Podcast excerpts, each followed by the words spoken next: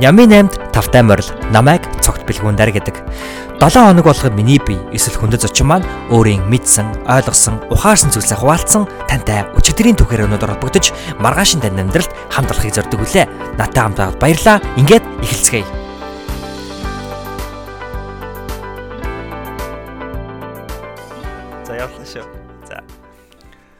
Сайн бацхан сонсогчдоо энхүү Сэхэтэн Монгол подкастын зүгээс бэлтгэн хүргэдэг Нямын 8 тавтай морил. Энэ удаагийн 31-р дугаарт Турк улсаас төгсөө овогтой ад жаргал ихч маань холбогдсон байгаа.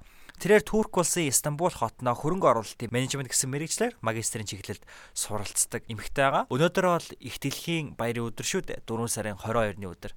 Тэгвэл энэхүү оролцогч маань өөрөө энэ их дэлхийн хамгийн гайхамшиг болсон. Энэ их дэлхийн инээдхөөр баяр баясгалан болсон хүүхдүүдийн төлөө тэр дундаа хөгжлийн бэрхшээлт хүүхдүүдийн төлөө 4 жилийн турш өнгөрсөн 2014 оноос хойш өдгөө хүртэл тэдгээр хүүхдүүдийн төлөө хамтдаа энэ эмсэглийн аяныг санаачлан зохион байгуулсаар ирсэн тийм гайхалтай эмэгтэй. Турк хүмүүс тийм ээ ер нь бол Туркийн соёл, арт түмний байр байдал ер нь ямар шүү юм те За мөн Япон улсад Окинава гэдэг арал байдаг. Тэрхүү арал дээр бид бүх сайн мэдж байгаа хүмүүс маш олон жил 100 гаруй одоо насыг насалдаг гэдгээр их онцлогтой яригддаг шүү дээ. Тэгвэл бид хоёр тэр хүмүүс юу яагаад ингэж 100 наслаад байдгийг монголчуудад энэ хүү 100 наслах тэрхүү боломж нь тийм ээ бид бүхний соёл амьдрах арга ухаанд байна уу. За мөн монголоор аялсан Турк залуугийн нэг сонирхолтой түүхийг аж аргалагч маань хуваалцсан байгаа. Тэрхүү турк залуу маань Монголд ирээд маш цөхөрч, маш адал явдалтай хэрнээ маш аюултай аяллыг туулсан ч гэсэн Монголоос нисээд явх үедээ үнэхээр Монголыг хайрлж Монголд үлдэх тийм ээ. Үнэхээр харамслаар дүүрэг Монголыг орхоо явж байгаадаа гэдэгтээ маш их харамсаж одоо бутсан гэсэн түүхийг бид бүхэнд хуваалцсан надад маш сонирхолтой санагдсан.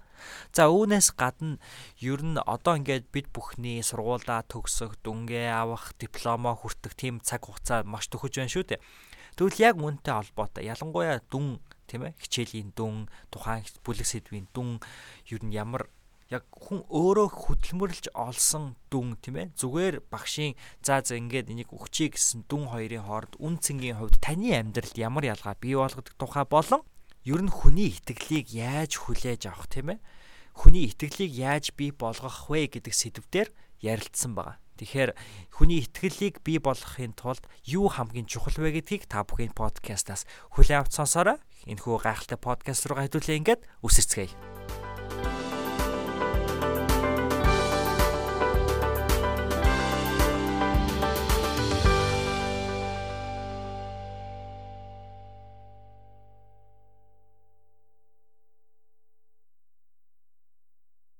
За энэхүү өнөөдөр манай урилгыг хүлээж авсан аз жаргал ихтэй маш их баярлалаа. Таны өдрийн мэндийг хүргэе. За чамд ч бас маш их баярлалаа. Нэмэн подкастыг сонсож байгаа нийт сонсогч нарт бас энэ өдрийн мэндийг хүргье. Аа маш их баярлалаа. За би яриагаа ямар асуултаар эхлүүлэхийг хүссэн бэ гэхээр аз жаргалагчийн хувьд хамтдаа нэмсэглий аян тийм ээ хөгжлийн бэрхшээл төвдөд зориулсан мөн хамтдаа нэмсэглийн урлагийн наадамгийн гайхалтай зүйлсүүдийг зохион байгуулдаг санаачилсан ийм гайхалтай эмхтэй. Тэгээ тийм учраас яахаа аргагүй үүнээс яриагаа эхлүүлэх нь зүйтэй ах гэж бодож байна. Ер нь яагаад хамгийн яахыг энэхүү аяныг энэхүү урлагийн наадмыг тус тус нь тийм ээ анх санаачилж хийхээр шийдсэн юм бэ гэдэг жоохон хүнд хэрнээ бас гайхалтай асуултаар эхлүүлэе гэж бодож байна. За анх би чинь аяна 2014 оны 4 сарын 25-нд Улаанбаатар хотын хөгжлийн бэрхшээлтэй хүүхдүүд сурдаг 25 дугаар сургууль дээр анх тэнд 250 хөгжлийн бэрхшээлтэй хүүхд сурдаг. Тэгээд тэр хүүхдүүдэд ингээд ямар ч байсан нэг инээмсэглүүлээ тий амьдралд нэг багхан ч гэсэн дурсамжүүлдэ гэдэг зорилгоор 30-аад залуусыг багтаа бүрдүүлээд тэгээд үйл ажиллагаа анх зохион байгуулж исэн. Тэгээд энэ үйл ажиллагаа маань болохоор тэр одоо амьдралаа хизээч алиалагч харж байгаагүй эсвэл амьдралаа хизээч уран урагш нь урж байгааг харж байгаагүй эсвэл амьдралаа хизээч юм жижигхэн нөгөө аяган торт капкейк байдаг да. Тийм торт идэж үзээгүй хүүхдүүд тийм ингээ байсан учраас би тэр хүүхдүүдийн амьдрал нэг минут нэг өдрийн ч гэсэн дурсамжийг бүтээе гэж бол ер нь шийдсэн. А тэгээ яг энэ үйл ажиллагааг яагаад хий гэж бодсон бэ гэхээр би тэр яг энэ үйл ажиллагаанаас өмнө чи сахиусан тэнгэр гээд намын зохиолч Пүрма гэд мэдхүү сонсч ирсэн үү? Сонсож байгаагүй. Аа, Сахиусан тэнгэр гэдэг ном бичсэн. Урдан загвар өмсгч байсан Пурма гэдэг айгүй одоо нэлээд ингээд нийтийг хамарч нийтэд ингэж эрг нөлөөлж чадсан загвар өмсгч байж байгаа төгслийн бэрхшээлтэй болсон нэг зохиолч бүсгүй байдгийн. Тэгээ тэр найз маань надад ингээд хандаад азаа ингээд миний төрсөдөр болж байгаамаа.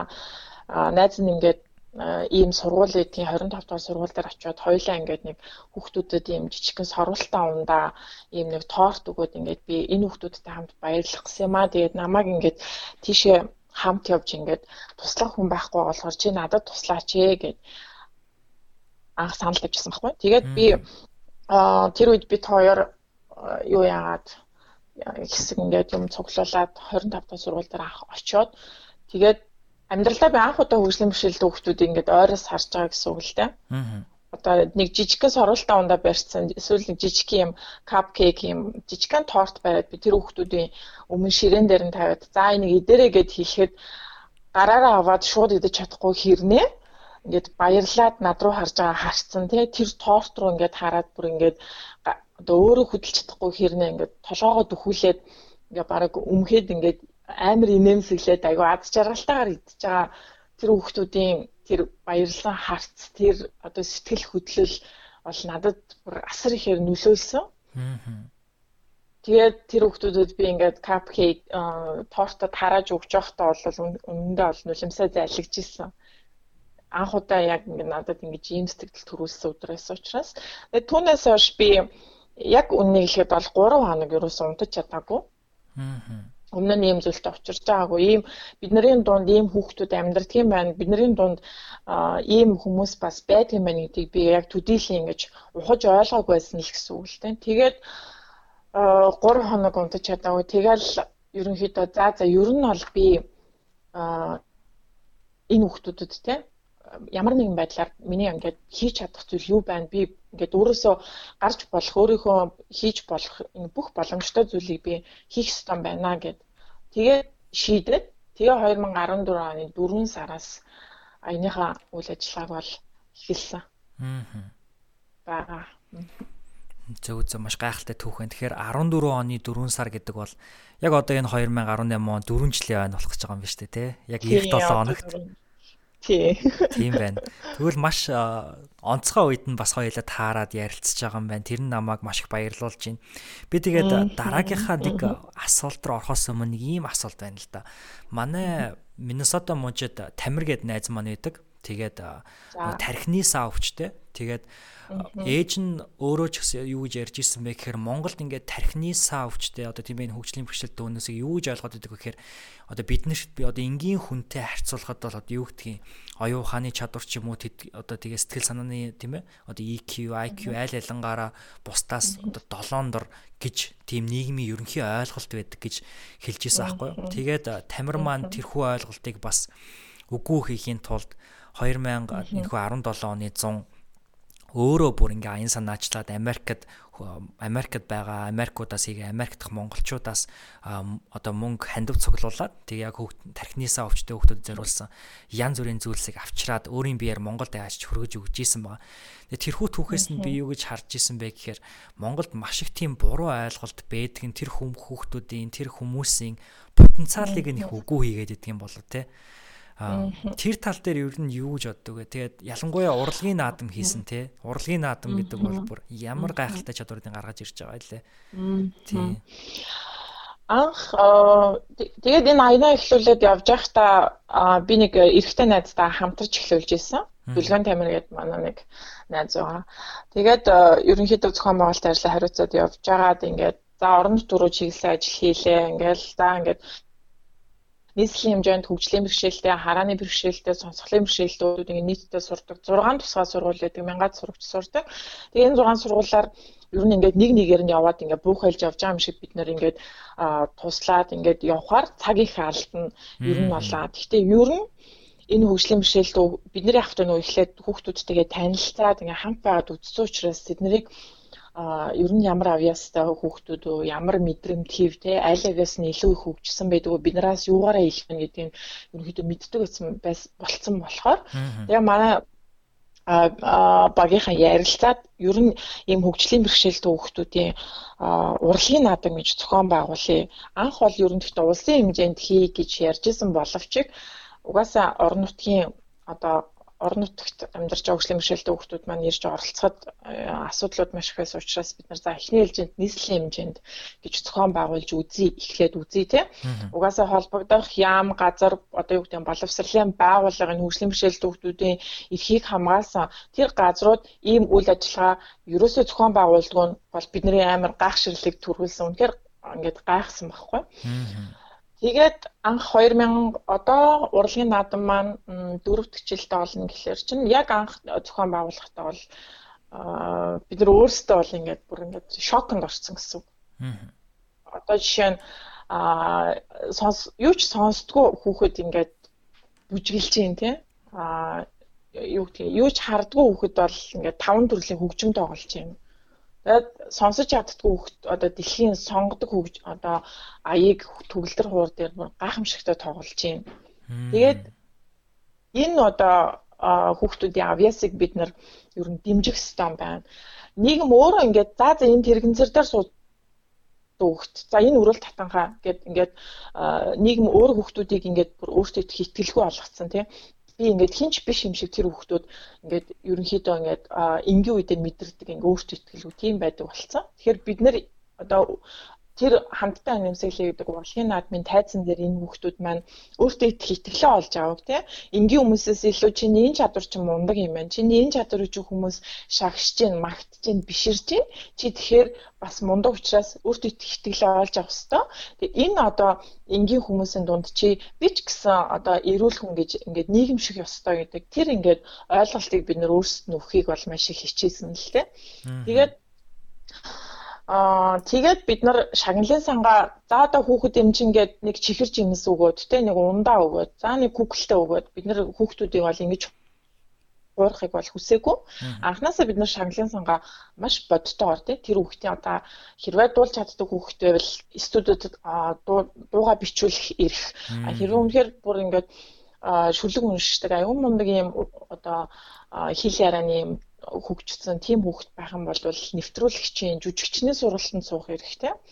А айгуун монд ингээ бүжгэлдэг хүүхэд байх юм бол бид нэр одоо тэрийн бүжгийн сургалт хийх гих мэдчихлээ. Дандаа тэр хүүхдийн авиасыг цааш нь одоо бодтойгоор гол хамгийн гол нь бодтойгоор хөгжүүлэх ямар боломж байна.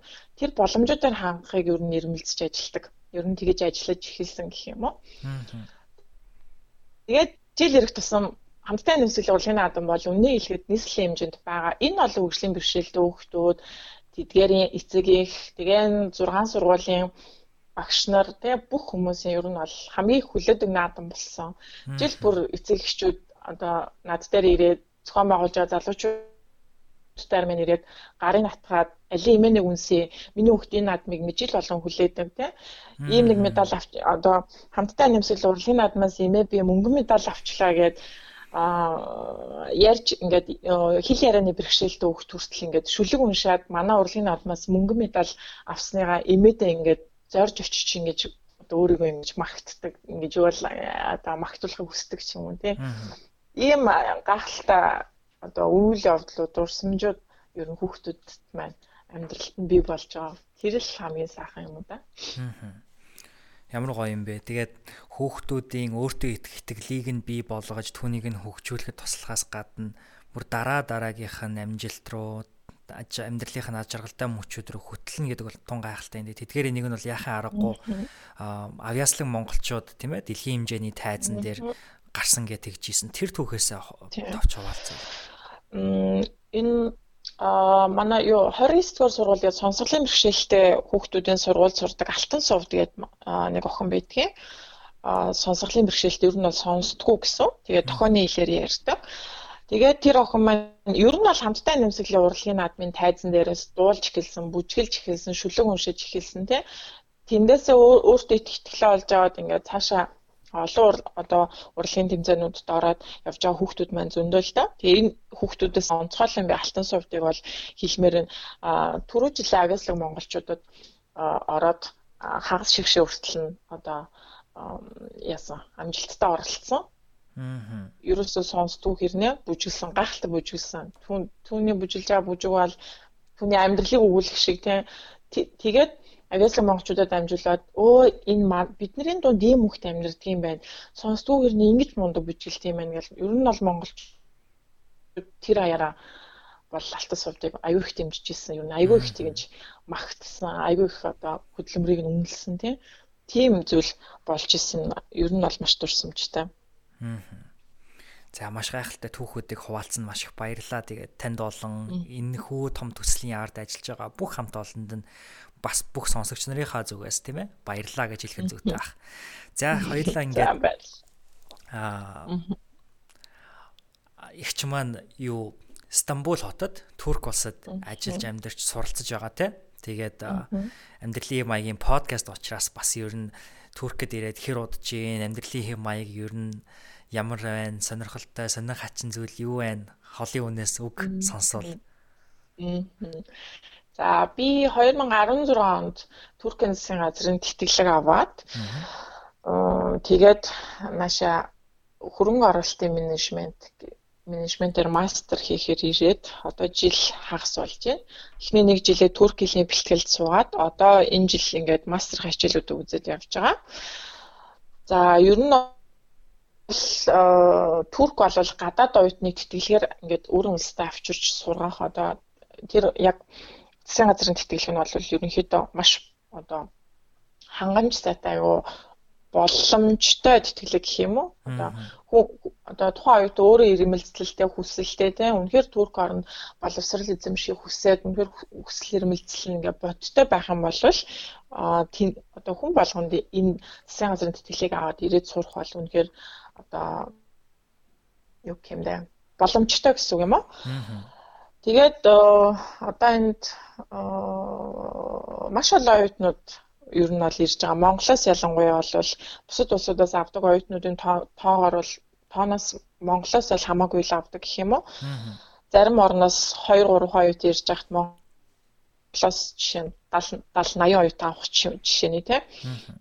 Тэгээд тэгэл ихэнхдээ ер нь исламын шашинтай тийм одоо улс орнуудын эсвэл одоо тухайн улс оронд террорист халдлага болсон эсвэл дайнаас зүхтаасан эсвэл туркоор одоо өөр нэг одоо дайнаас цухтаасан юм хэцүү амьдралаас цухтаасан ч юм уу те өөр нэг тийм оюутны авралын орон болдог гэх юм уу? Одоо монгол оюутнуудаас бусдаар болоо бидний хувьд бол энд өөрсдөө боловсруулах хөгжүүлэх те бусад гадаад орны залуучуудтай мэдлэгээ хуваалцах гэх мэт тийм зорилгоор ирдэг бол зарим нэгнийх нь хувьд бол турк орн бол авралын орн болж байна да гэж би ер нь яг өөрийнхөө өнцгөөс бол хардаг л да.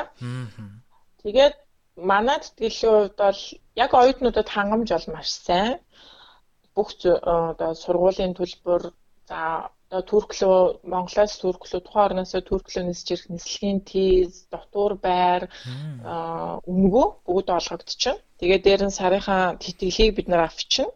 Тэгээ ер нь бол сурах орчин сурах орчныг бол Туркийн засгийн газар бол аюул сан хангаж өгдөг. Энэ бол аюул сэтгэл хангалуун байдаг юм бэ. Тэгэл олон гадаад найзуудтай олж гин одоо юмыг харах үнцэг маань өшөөлөө өргөн болж гин. Өмнө өмнө нь байсан алдаа дутглуудаа засаж эхэлж гин. Тэгэл ер нь бол муугаас сайн тал нь бол маш их юм да. Яг магистрийн оюутны хувьд нэг тийм яг ажлын өдөр хичээлийн өдөр ер нь яг хэрхэн өнгөрдөг вэ? Яг ерөнхийдөө.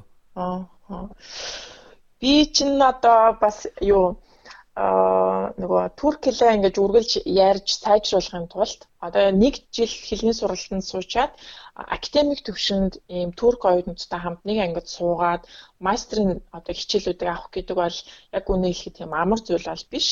Аа бакалавр биш энэ чинь мастер хийж байгаа учраас биднээс академик төвшний мэдлэг шаардж байгаа. Тэгээд дээр нь манай одоо мар их сургууль сурдаг. Тэгээд манай сургууль маань бас Турктэй чансаа дээгүр одоо Туркийн одоогийн ерөнхийлөгч сурч ирсэн сургууль учраас нэлээд чанга бас ер нь оюутнуудаас айгүй их тэгэж хөдөлмөр зүтгэл шаарддаг сургууль. Тэгээд би Турклээ сайжруулъя ер нь цагийн ажил хийсэн дээр юм байна. Одоо хүмүүстэй ингэж турк хүмүүстэй өөртөө харьцээ тий. Яг тэднэд одоо турк хүмүүс шиг би сэтгэж сурахын тулд одоо турк хүмүүстэй ойртож танилцахаас одоо эхэлж одоо өөрийгөө хилээ сайжруулж байгаа сайжруулсан гэх юм уу.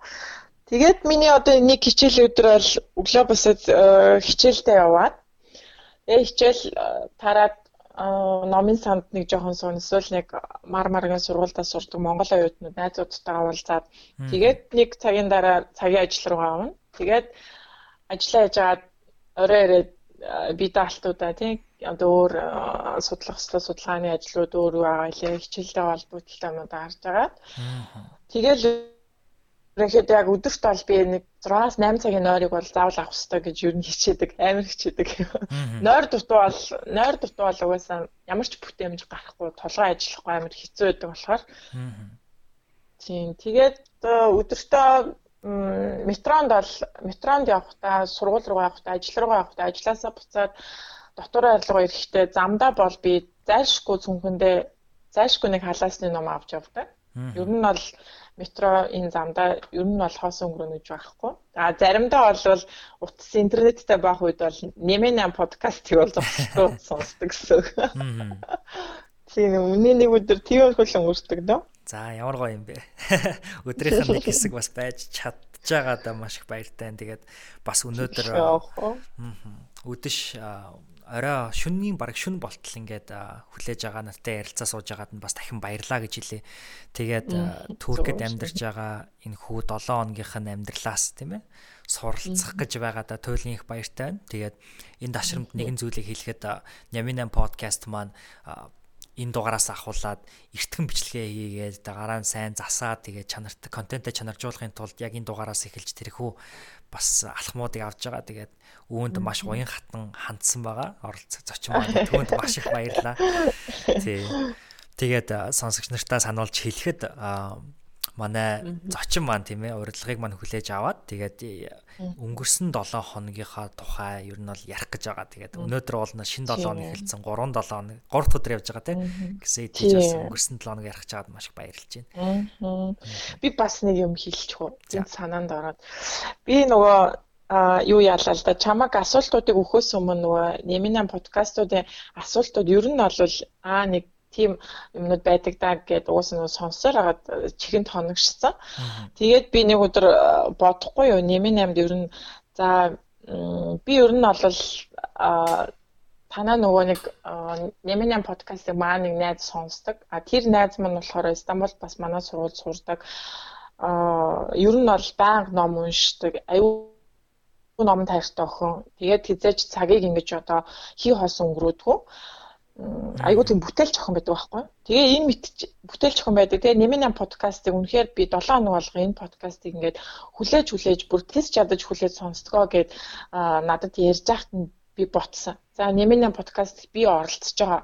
А нэмэн подкастыг сонсож байгаа залуучууд нь манай тэр найз шиг тийм одоо мундаг бүтээлч одоо юу гэдгийг те үеийнхэндээ үлгэрлдэг тийм залуучууд байдаг болохоор би ер нь мэдхгүйгээ мэддэг юм шиг ярих биш.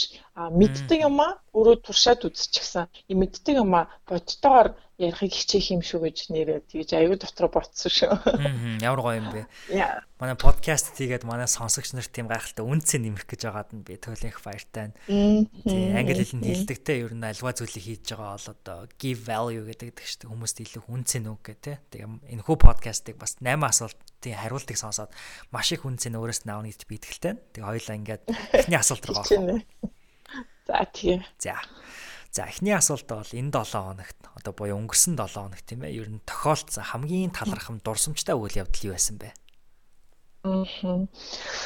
Аа бид нар нөгөө нэг Турк улсын тэтгэлэгтэй оюутнуудад нөгөө даатгал нь бас өнгөө засгийн газараас төлждөг байхгүй юу? Эрүүл мэндийн үү? Тэгээд би тий эрүүл мэндийн даатгал. Тэгээд Түрүүчийн 7 хоног би нэг улсын эмнэлэгт цаг аваад ойр нэг хотод өвдөд байгаа. Тэгээд улсын эмнэлэгт цаг аваад үзүүлэх гээд 2-7 хоног хүлээж аваад тэгээд айгүй ядрангуйсан, ер нь ойр мот айгүй олон хоног ядрангуйсан. Гэхдээ өглөө гөрөж босоод нөгөө эмнэлэг рүүгээ яваад зөндөө айлаа. Анх удаа тэр улсын эмнэлэг рүү явж байгаа болохоор би тэгээд эмнэлгээ олдгоо. Тэгээд замдаа нэг юу яа нэг турк ихчээс асуугаад ихчээ энэ имлэг рүү би явах гэсэн юм а яаж явах вэ мэдэхгүй төөрөөд байна гэд. Тэгсэн тэр их жоо би бас энэ имлэг рүү явж байгаа хоёулаа явъя гэд. Аа за. Тэгээд тэр ихч маань охиноо дагуулсан. Тэгэл намайг эднэр нөгөө нэг юм бид нэр одоо манай монголчууд чи юм нэг юм том хацартай шүү дээ. Тэгээ би бас юм айгу том том хацартай байхгүй. Тэгээ эднэр тийм том хацартай охтуудыг болохоор тийм альма хацарт гэж нэрлэдэг. Тэгсэн тэр ихч над руу орвол за альма хацарт охин минь хаана аль улсын хөлөө хаана хөлөө гэж алтлах жахта надаас ингээл нэлээ юм асуугаал. Тэгээд би аа ингээд Монгол энд ингээд сурдаг уу барьдаг уу гэж ингээл хоорондоо нэлээд танилцаад ингээд юм яриад бараг нэг 15 минут гараа алхаад нөгөө эмнэлэг дээр очсон. Тэгээ эмнэлэг дээр очиод юугаа тэр ихчээс за би ингэ танилцсанд баярлалаа хичээ. За эмнэлэг зааж өгсөнд баярлалаа аа гэд тэгээд гар утсаа гаргаж ирээд нөгөө нэг цаг авсан юугаа интернетээс би ингээд скриншот хийсэн байсан. Тэгээд цаг авсныгаа дахиад нэгтэлж харах гээд ингээ харсан чинь би буруу эмнэлэг дээр очсон байхгүй юу? Ааха. Яа буруу эмнэлэг дээр очсон. Тэгээд нөгөө ихчтэй хэлсэн чинь нөгөө ихч маань бас өө ямар балаан ёстой ямар балаан ингээд тэгснэ. За за зүгээрээ. Чи ингээд эмнэлгээ буруу олоогүй ч гэсэн ингээд замдаа чи надтай танилцлаа. Би чамтай танилцлаа.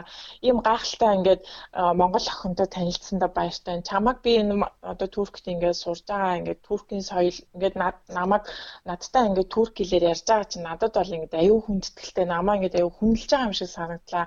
Тэгэхээр одоо эмнэлгээ буруу сонгоод ингээд андуураад ирчлээ гэд бити ингээд ягаараа уруугаараа хоёлаа ингээ гоё танилцсан, хоёлаа гоё ярилцсан. Би чамаас амар гоё нэрийг авсан юм чам. Чи намайг бити мартаараа гэж тэгээд салсан байхгүй юу. Тэгэл би за за имлэг буруу байсан ч гэсэн ер нь бол энэ ихчтэй таарсан маа надад тэр өдрийн ингээд аюу гоё нэрийг өгсөн. Тэгээд энэнд аюуг талархсан би турк хүмүүсийн найрсаг занд бол би өстой 100 оноо өгмөр бүр 100 оноо өгмөр. Тэгэл энийг бодож тэгэл За за одоо тэгээд эмнэлгийнхаа цагийг дахиад 14 хоног хойшлуулад авна да гэж бодоод ямар ч тийм одоо за бүтлгүүдчлээ шүү.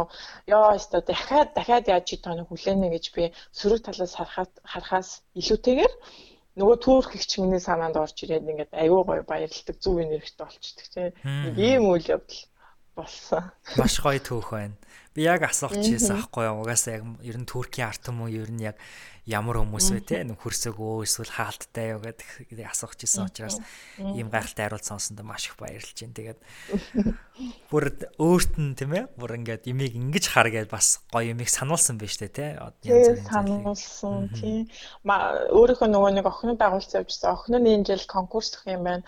Тэгээд чи энэ гадаад ихчигээ хаар одоо хаас Монголоос ирээд одоо ингээд турк хэлээр сураад ингээд академик төвшин сураад явж байна. Миний охин одоо бас над чиг яг санхүүн чиглэлээр сурах сурах сонирхолтой юм байлаа охин. Тэгээд миний охин ч гэсэн чадна энэ хичээсээ ч гэсэн жишээ үлгэрл гээл ингээд тэр айгүй мундаг нэрхтэй энгийн нэг турк ингээд нөө эдний эдний нөгөө эмгтээчүүд хаалттай байдаг шүү дээ тийм. Хаалттай айгүй энгийн айгүй мундаг тийм ихчтэй танилцсан.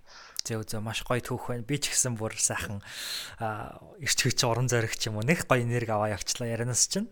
Маш их баярлалаа. Ашиггүй дээ. За хоёлаа ингээд хоёрдугаар асуулт руу орцгоох уу? За тийм. За. Хоёрдугаар асуулт маань болохоор энэ 7 хоногт буюу өнгөрсөн 7 хоног тийм ээ. Онцлог ном сонин, мэдээ артикл, эсвэл ер нь дижитал контент тийм ээ. Юу байсан бэ? За би ер нь бол ном бол аюул сан уншихыг хичээдэг юм ер нь туркт байгаа гадаадд байгаа болохоор бид нар бас нөгөө монгол хэлээ ер нь бол угаасаа сайжруулж байх хэрэгтэй тийм одоо хэлц үг юу гэдгийг эсвэл одоо түүхэн ном уншиж бид нар бол монгол хэлээ ч гэсэн үргэлж баяжуулж байх хэрэгтэй гэж би боддгийн. Одоо яг одоохондоо бол би нөгөө маш их ачааллын дараа ингээд тарих нэлээ одоо ачаалттай байсан учраас багхан шиг амраахын тулд яг одоо бол хотол цагаан гүнж гээд шүдэр цэцэг зохиолчийн номыг бол ер нь бол уншаад яг дуусгаж байгаа. А тэгтээ миний яг Нэмэний подкастыг сонсч байгаа залуучуудад санал болгох ном маань болохоор а Испани хоёр залуухан зохиолчийн одоо бичсэн Ikigai Ikigai буюу Япон хүмүүсийн ад жаргалтайгаар урт удаан амьдрал амьдрах нууц гэдэг ийм ном байна. Аа за. Тэгээд энэ номыг би турк хэл дээр нь уншиж дуусгаад ингээд бүр надад одоо маш их нөлөөсөн ном гэх юм уу. Аа.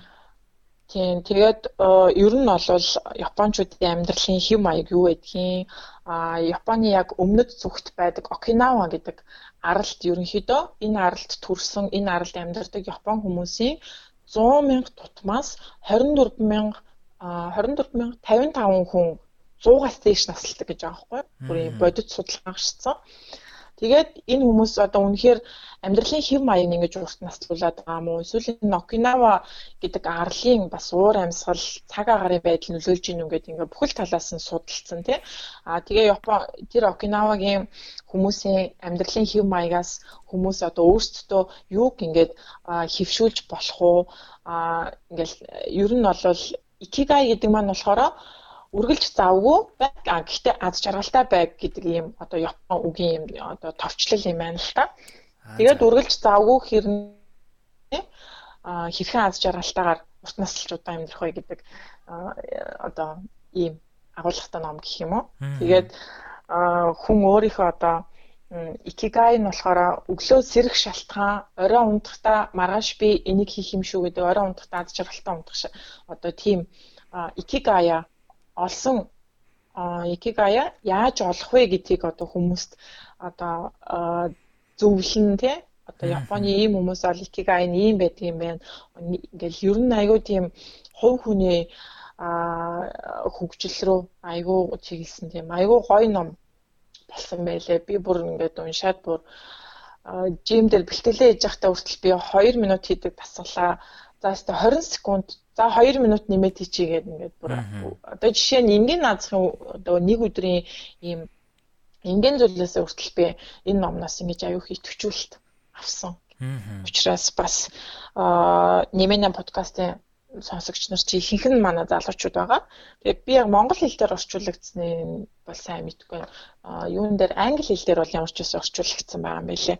Тэгээд залуучууд маань уншуул бас энэ ер нь айгүй их тийм хүртээмжтэй ном болсон байлээ гэж санал болгоё. Тэгээд за нэгд өдрөө өглөө алган би босоод юу яадгийн нэг сайтыг бол банк шалгах тийм тэр нь болохоор нөгөө Analytic Today гэдэг сайт. Мэдхүү чи? Мэднэ. Тийм тэр сайтын 7 хоногийн таймыг бол нэгд өдөрт бол банк шалгаас та ер нь бол Аа хүлээж байгаа нэг үзт юм биш үү тийм. Хүлээж байгаа шалгадаг сайт нь бол тэр сайт тийм. Тэгээ подкастаас танаа пост подкаст тэгээ сайтаас бол анридыг бол би болно. Өстө наалтаас та да. Зөө зөө. Энэ Окинава арлын тухай ярьсан чинь би яг энэ тал дээр нэг хүмүүстэй ярилцахыг бас нэг асуухыг хүсээд идэг. Бас хүмүүст хэлхийг хүсээд идэг зүйл байдаг аахгүй. Тэр нь юу гэхээр одоо би бас Америк нэгдсэн улсад амьдарч байгаа. Тэгээд Америк нэгдсэн улсад тийм одоо энэ барууны нийгэмд ер нь биднэрийнхтэй ч юм уу за эсвэл зүүн Европтой харьцуулах юм бол эсвэл Японтой ч юм уу тийм ээ зүүнний орнуудтай харьцуулах юм бол айгүй нөгөө хувь хүний амьдрал дээрээ тулгуурласан те айгүй ганцаараа байхыг хичээдэг. Миний л одоо амьдрал болж ивэл бусад нэг хамаагүй гэдэг гэд. Тэгээ би Окинава арлын тухай уншижсэн чинь хүмүүсийн урт удаан амьдрахад байгаа хамгийн гол шалтгаан нь маш хоорондоо нэг тийм нийгэм сайтай гэдэг юм уу одоо хоорондоо их хамтардаг, бие биедээ тусалдаг, хөгшин настай хүмүүст нь ингээд өдөржингөө хүүхдүүдтэй хамт идэг гэд нэг тийм уншижсэн байхгүй юу? Яг энэ номон дээр энэ зүйл дурдгдсан байсан уу? Яг нийгэм болж амьдрах. Гарсан байсан. Тэг Окинавагийн хүмүүс нэгнийхээ төрсөн өдрийг яаж тэмдэглэдгийг тий нэгэнтэйгээ яаж хамт хооллолдгийг нэгэнтэйгээ яаж нөхөрлөлийг бий болгодгийг тий а тэтгэврт гарах нас нь болсон ч гэсэн сэтгүүрт гарснаасаа хойш хэрхэн амьдрэх ингээл ерөөсөө Окинавын хүмүүсийн амьдралыг ингээд энэ хоёр залуу бол өөрсдөө очиод угаасаа ингээд ярилцлага хийгээд ингээд судалсан тийм ном юм билээ. Тэгээд ер нь бол айгүй их авах юм та.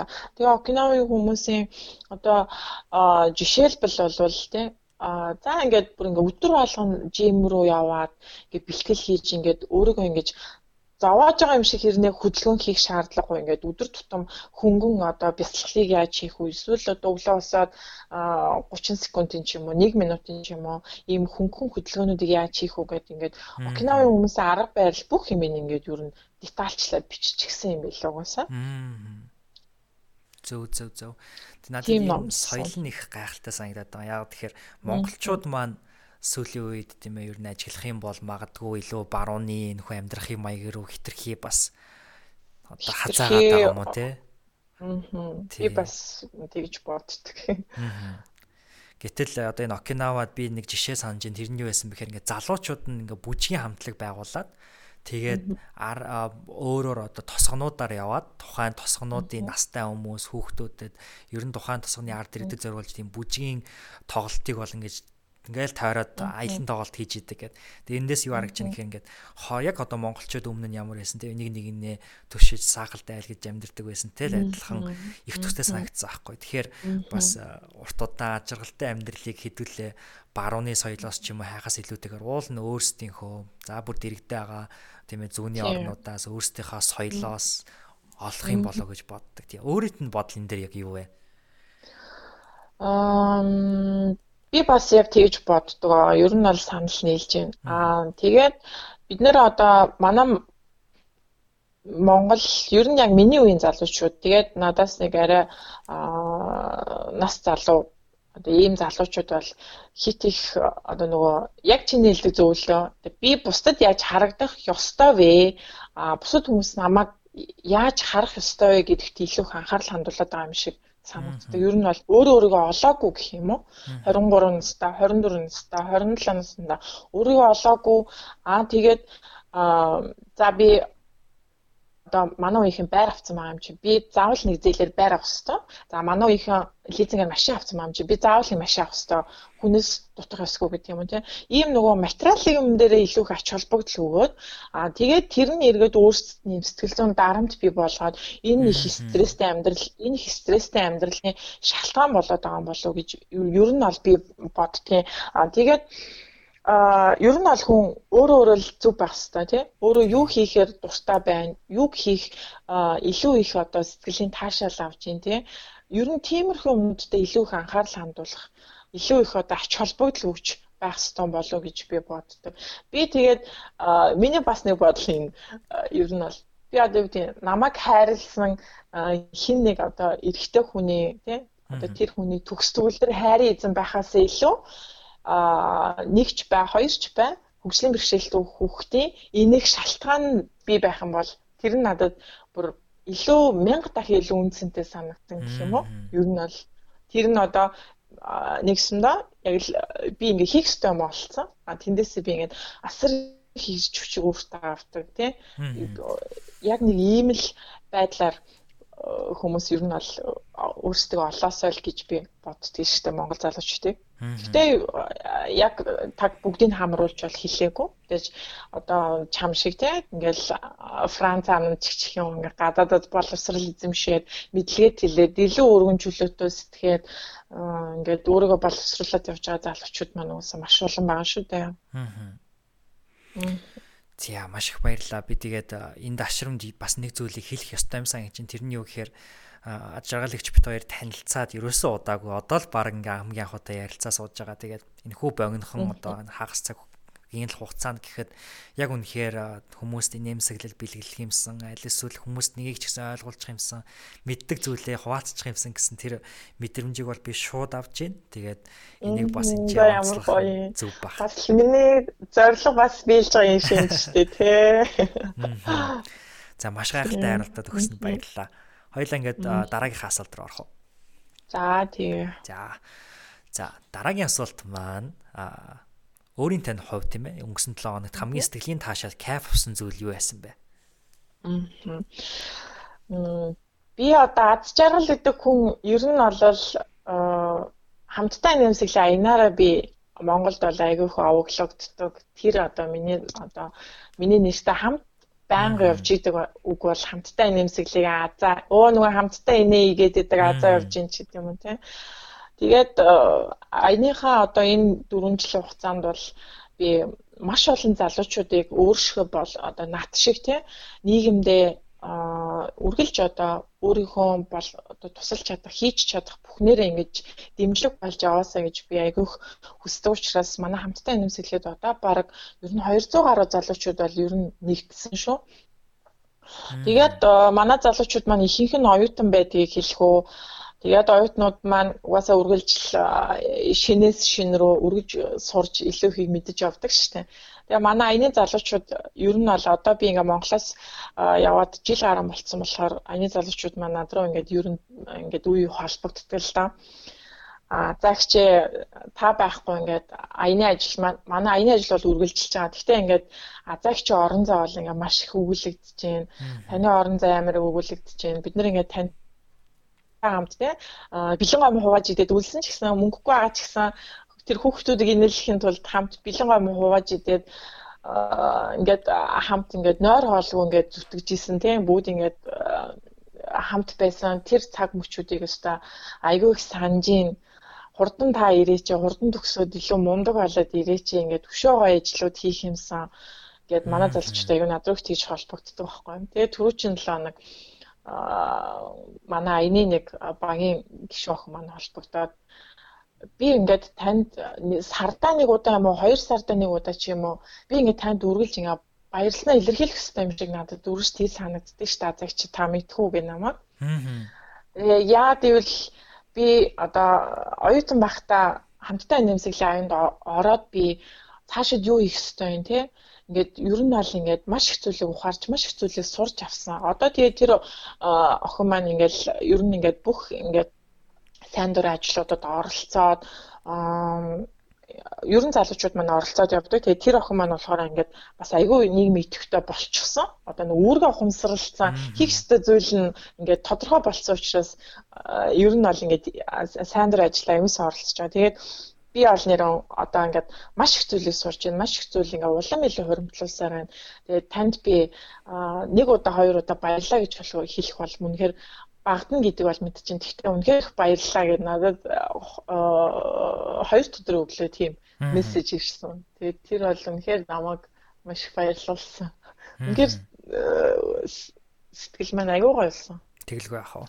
Тэгэхээр надад юу гэж бодогдсон бэ гэхээр яг энэ хүү хийж байгаа айн нь яг хөгжлийн бэрхшээлтэй хүүхдүүдэд хандсан хэрнээ зөвхөн хөгжлийн бэрхшээлтэй хүүхдүүд биш тийм ээ. Аа бас иргэн тойрныхаа хамтран зүтгэгч тэр хүмүүст маш гайхалтай нөлөө үзүүлж байгаа нь тун гайхамшигтай юм байна гэд ер нь бодогдчихлаа.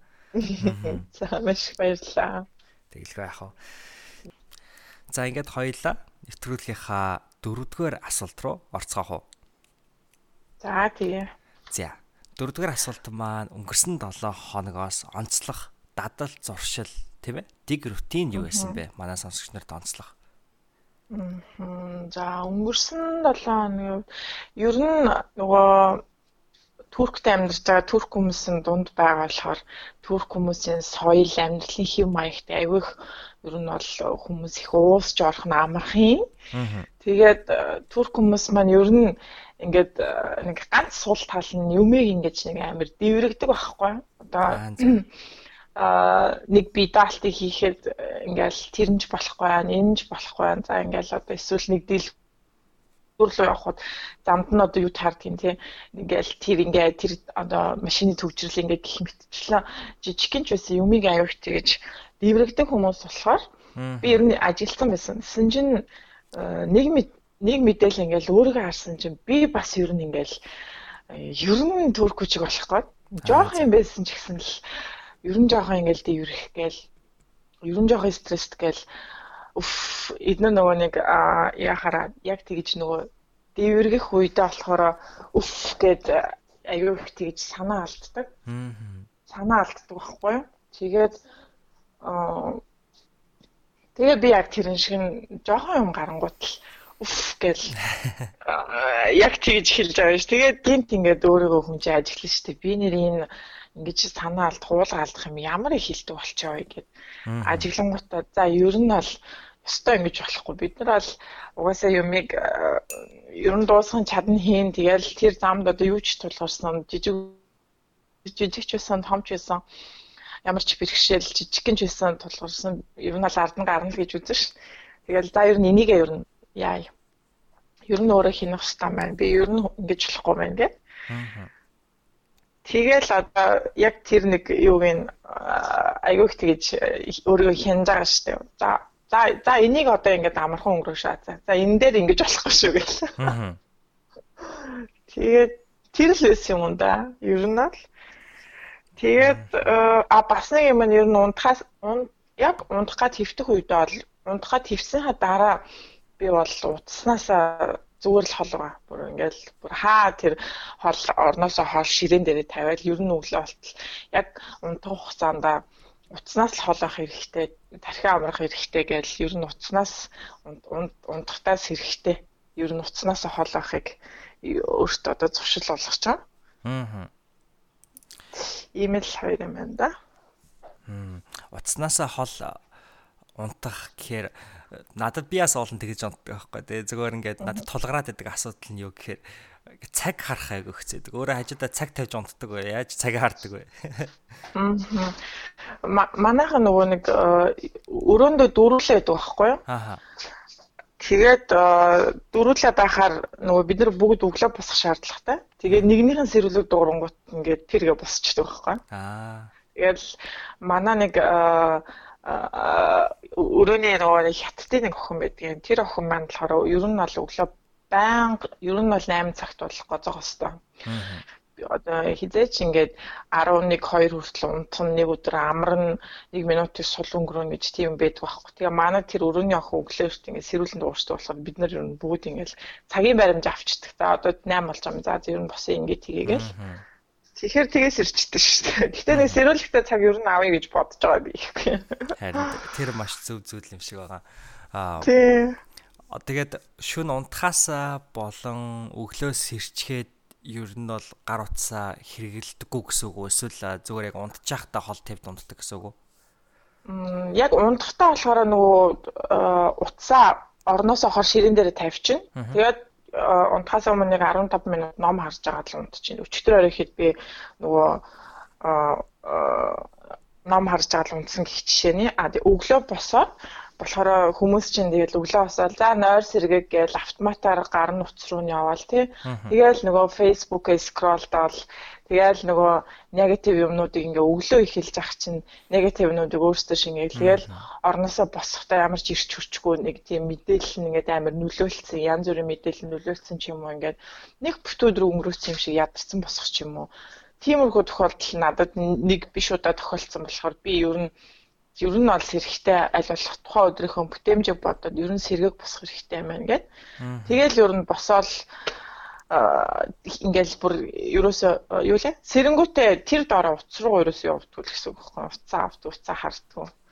Тэгэл нэг 10 15 минутын дараа өглөө нэг босоод усаа уугаад ингээд нэг 50 манах тэгээ нөгөө ингээд 13 давхрт идэг болохоор өндрөөс жоохон Стамбулаа хараа. Тий өнөөдрийн тэнгэр ямар байна мэн гэж тэгэж гоё 50 ихлүүлэх туртай гэх юм уу. Тийм л бодоод байгаа шүү дээ.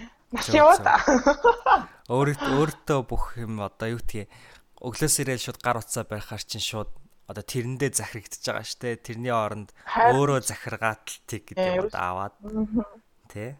Тий. 15 минут ямар ном өчтөр унтахаасаа өмнө шагаасан бэ? Аа би нөгөө энэ 7 хоногт нөгөө хотол цаангунжиг уншиж байгаа гэдгсэн шүү дээ тий. Тэгээд тэрийг өчтөр шин дуусглаа. Аа за. Дуус тийм тэгээд 400 20 30 биш 470-д хуудастай ном байсан. Тэгэхээр нөгөө бидний Монголын юм түүхэн роман номнууд чинь ингээд аюу гоё тайвширлыг өгөөд энийх гоё ингээд хуудас нь урсчдаг номнууд байдаг да тийм ингээд уншаал урсаал гэдэг нэг ингэж амар хүний хит бодлогошрол давтуулахгүй хит их ингээд одоо юу гэх юм. За энэ номноос би энийг авах юм шүү ч гэдэг юм уу тэгж нэг өөрийгөө ингэж хүндрүүлэх шаардлагагүй энийх гоё тайван ингээд уншаал хуудас нь урсаал гэдэг. Тэгээд тийм тийм ном байсан. Айгуу гоёсан. Ном унших чадаа бараг амралт болчиход шүү дээ миний хувьд л.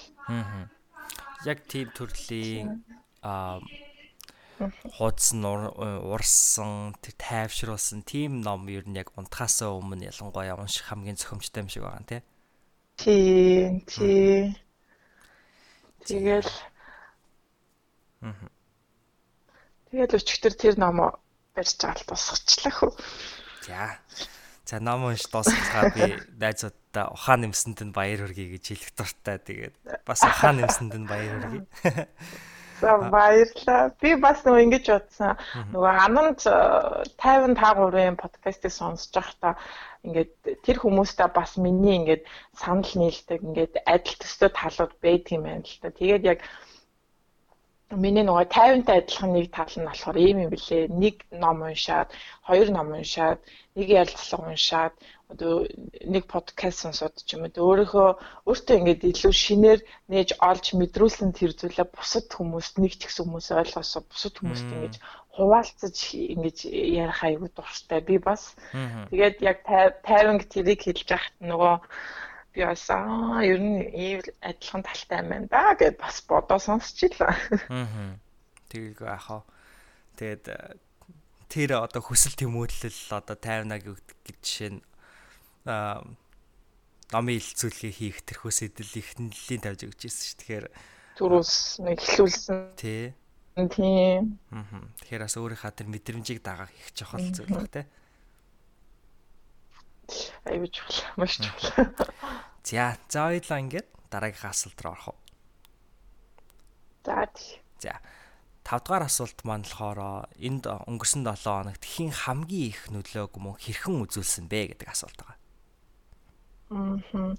За энэ асуулт одоо ингээд юу танаа нэвтрүүлэгт орохоос өмнө ингээд асуултуудаа хараад бодож байхад энэ асуулт одоо миний хамгийн хайрлсан асуулт гэх юм уу? Ер нь. Аа за ямар гоё. Аа. Надад бол амар нандаа асуулт. Ер нь аюу нандан гэж би яагаад вэ гэхээр би өнгөрсөн 7 хоног нэг турк залуутай танилцсан. Аа.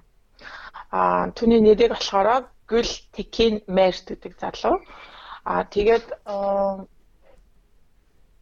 тэгээд энэ залуу маань болохоор аа 2016 оны 9 сард 2016 оны 9 сард Монгол руу аялаад а тэгээд хонгорын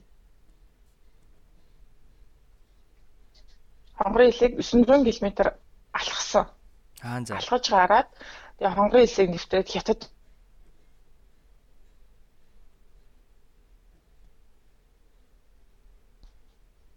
байна. Тэгээд энэ энэ сүлжээ жоох яагаад тоош. Жан сая жоон тасарсан. Аа. Тэгээд энэ залуу ерөнхийдөө 20 хоногийн визтэй Монголд очиод 2 сар байрлсан. Яг л 20 хоногт хонгорын хэсэг ингээд алхаж ингэж гитэлж гарч чадаагүй. Тэгээ 2 сар Монголд байгаад тэгээ Монголын хилээс хятад руу гарахын гарахын тулд одоо нөгөө нэг визт нэвтэрсэн ингээд торгуул төлөх хэрэгтэй байсан. Тэгээд надад өөр ярьж байгаа байхгүй. Би тэгээ ингээд мөнгө 2 сар би Монголд ямар ч мөнгөгүй байсан. Би түрүүчээ хулгайлуулсан, камера алдсан. Камерыг маань олсон хүнээс би миний камерыг өгөөч гэж гуйхад тэр хүн надаас 300 доллар нэхэд тэгээд би ингээд ингээд шалж ингэж гуйж шалтгаанаа хэлсээр байгаад камера ямар ч ус олж авсан. Тэгээ Монголд би 2 сар байхдаа ерөнхийдөө олно гэж байхгүй. Хөл дээрээ тогтож үлдэхэл миний ганц зорилго байсан гэж надад хэлж байгаа байхгүй. Мөнгөгүй, хүчгүй.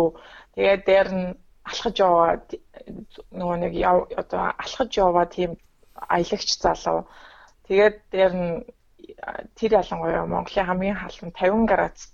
Тэгээд тэр одоо цөлөөр ингэж алхаж өнгөрсөн тийм залуу. Тэгээд надад тийм юм ярьж. Гэхдээ ер нь бол айгүй хэцүү байсан гэж ярьж байгаа хэрнээ би Монголоос явахдаа бүр ингээд галзууртлах гонглсон гэж байгаа байхгүй. Тэгээд яагаад тэгээ тэрийг зүгээр гонглсон биш бүр ингээд би бүр ингээд галзууртлага гонглсон гэж байгаа байхгүй. Тэгээ яагаад гэдгсэн чинь ингээл энэ их туршлага энэ их одоо э, туршлага одоо юу гэдгийг хуримтлуулсан ийм одоо гой улсаас бол би явахдаа гонглсон танаа тэр онгон байгаль тий байгалийн үзэсгэлэн би бол нэрээ Монголд бол нэр үнэхээр хайртай гэн. Тэгээд надад ингээд Монголоос авчирсан шагаа, илэс ингээд чулуу тэгээ хустаан хустаан нуурын тэнд ийм цогцлбор байхлыг үзэх юм тасалбар тэгээ Монголын богооны плед ингээд надад бүх юм харуулж байгаа байхгүй. Би анх Монгол руу 15 кг цүнхтэй очиод буцахтаа эдгээр зүйлсүүдийг би Турк руу авчирч өөртөө өөртөө дурсааллахын тулд миний цүнх 45 кг болсон ч гэсэн би үүрээд ирсэн азаа гэд надад хэлж байгаа байхгүй юу. Тэгээд Тэгэл аа за ер нь ингээл нэлээд л ярилцж байгаа юм лөө битээр. Тэгээд за манай нийслэл хот ямар байна гэж би сониуч дангаар асууж тэр гадаад хүнд ямар бодогдд юм бол яасан бол тэр нэг гэсэн бол үнэн гэсэн бол асууж үзье гэд. Тэгээд асуусан чинь та нийслэл нийслэл хотын шүний амьдрал бол надад гайхамшигтай таалагдсан гэж байгаа байхгүй. Шүний амьдрал нь илүү гоё үзэсгэлэнтэй илүү гоё тийм иш хүчтэй тийм айгу гоё нэрхтэйсэн гинэ. Тэгээ өдөр нь болохоор нөгөө төгжрлээс болоод монгол хүмүүс айгу их тэгж аа би рүү ойрлолдог айгу гэж би рүү ууралдаг тэр нь айгу их ажиглагдсан гинэ ингээд талхаад явж байгаа. Тэгээд тэгээд а за миний нэг амар харамсаж байгаа юм энэ байна гинэ гэсэн чи за тэр нь юу ингээд тэгсэн Монголд би ингээ 2 сар байхдаа айгу их тийм ингээд согтуу эрэхтэй хүмүүс харсан гинэ. Ер нь ингээд согтуу гуйва дайвид явж байгаа хэрэгтэй хүмүүс харсан. Аа тэгээд би Монгол эмэгтэйчүүдээр бол амар их бахархсан. Монгол эмэгтэйчүүд амар хүчтэй. Ингээд одоо манай турк эмэгтэйчүүд ч гэсэн үзэсгэлэнтэй л дээ. А гэхдээ Монгол эмэгтэйчүүд турк эмэгтэйчүүдээс илүүтэйгээр хүнийг татах нэг тийм айгүй өвдөстэй байна гинэ. Ер нь Тэгээ би танаа Монголын Монгол би бол Монгол эмэгтэй хүнд айгүй одоо ийм хүндэтгэлтэй ханддаг. Ингээд цаанаасаа ингээд надад хүндлэх сэтгэл төрдөг гэдэг. Тэгээ надад нэг ийм найз ийм найзтай танилцаад би тэгээд би өөртөө ч гэсэн хэлсэн бүр ингээд би ингээд өөрөө монгол тэсэр нэ би хонгорын хэлээр одоо ингээд алхаад гатлах те байгалаа сайхны мэдэх одоо энэ надад ингэж аялах хүний хэлэхт бол үнэхээр зориг төрөхгүй их орондоо шүү дээ тий. Тэгэхэд чи энэ Туркээс холхаа хол Монголд очиод ингээд алхаад 2 сар тэнд амьдраад тий авах юм аваад алдах юм алдаад ингээд өөртөө маш их туршлага хөрөнгөлөөсөн. Тэрийн энэ бол надад маш их нөлөөлж байна. Нэгт тэгээд шашин өөр хоёрт гадны үндэстэй ийм гадаад хүм одоо манай Монгол улсыг ингэж их гоё бүр ингээд би бүр Монголд амар хайртай бүр өстой нэрээ би яг хайрлсан сэтгэлээ би ингээд илэрхийлж чадахгүй байна. Одоо ингээд чамтай ингээд ярьж яхад хүртэл ингээд Монголоос намаа ингээд нэг юм татаад байгаа юм шиг мэдрэгдээд ингээд надад тэгдэг байхгүй юу? Тэгээд би гэхдээ чамд бол нэрээ би үнэхээр маш их баярлж байна. Би Монголынхаа одоо залуучуудыг ч гэсэн 94 оны залууд ч одоо 24 настай.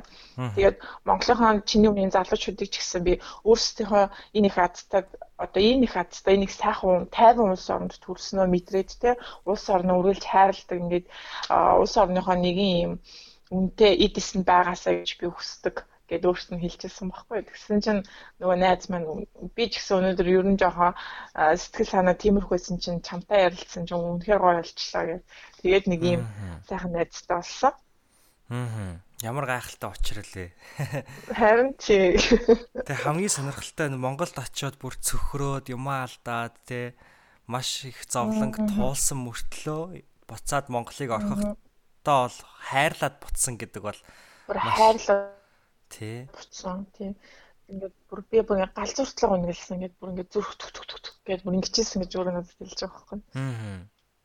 Тий нэг юм найзтай бас. Тэгээд манай найз одоо надад яг ингээд бид нар бол юу яа Туркээр ингээд ярилцаад ойлголт чинь. Тэгэл Аа чи тэгээд нэгт миний хайрлсан усаас Туркт ирээд боловсрал эзэмших гэж байгаа юм. Тэгээ би юм найзтай болсон юм чинь би чамд бол одоо өстө турк хэл дээр одоо судалгааны ажлаа бичих өөр юу гэдгийг тий академик төвшөнд ямар хүндрэл гарч ийн найз өстө чамд туслахад биелэн яагаад гэвэл чи Монгол руу эргэж очиод тэр олон хүчтэй эмэгтэйчүүдийн дунд чи бас нэг хүчтэй эмэгтэй байх ёстой гэд надад яг сүлд тэгж хэлсэн байхгүй. Тэр нь бас аюу гой санагц аюу хэрчж өгсөн юм уу Аа. Тэгэлгүй ах яахын аргагүй хизээч мартагдахгүй тийм их нөлөөг үзүүлсэн баг те амьдралд нь үргэлжил сананд урсах. Аа. Тийм гадаадд байгаа манид ч гэсэндээ бас яг хөө мэдээч хэрэг энд гүйлгээ залуугийн туулсан тэрхүү гайхамшигт адал явдалтай магадгүй зөндөө олно туулахгүй ч гэсэндээ зүгээр бид бүхнийг ер нь бол ингээл бас яг л татаад идэгтэй ингээ яг Монголдо байхдаа ингээл стресстэй л ямар хэцүү юм бэ гэ ингээ бодох мөч бэдэг мөртлөө ингээ гараа явсны дараа ингээ татаад идэг эргээд очимоор ч юм шиг соронзон орон гэж хэлдэг штэ. Тэгэхээр Тий хааштай бидний төрсөн их хор юм чинь тий.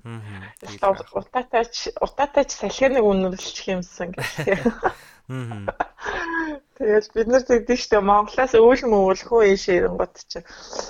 Тайл чимнамаа Монгол бутаа үнэрч штэ. Мурад хүртэг мөртгийг баг татчих авч өнөртэй л. Тий, тий, алины үнэртэй тэгээд тэгдэг штэ. Аа. Тий, айгу ёо тод тийм үнэртэй те өрмөц. Тий.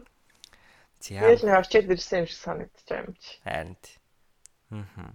Тэгээд ингээд маа найзууд бүр ингээ куртгээ өвлийн куртгээ бүр хийм цэвэрлэгэнд өгөө цэвэрлүүлээд гаргаад ирж хахад л утаа өнөртэй гэдэг юм байл шүү дээ. Тий. Тэгэл ах л та. Аа. Тэгэл яг энэ чинь нэг талаар яг бид нар ингээл маазрах маягаар тий хөгжилтэй маягаар хэлж байгаа ч гэсэн нөгөө талаараа бас биднэрт нэг юм чинь айгүй аимшиг тохиол өгöd байгаа юм л та. Ер нь бол тийм Тэгэлгүй аа. Яа одоо жишээ нь би бол чи ч бас адилхан л тий. Тэгэл Туркт ал ер нь утаа мутаа гэсэн ойлголт байдаг болохоор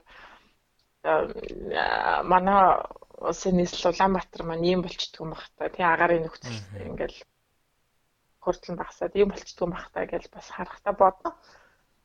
Харин тий. Би ч одоо Улаанбаатарын өвлөлийг үзээгүй 5 жил 4 жил болчлаа штэ. Тэгээд хүмүүсээс сонсох.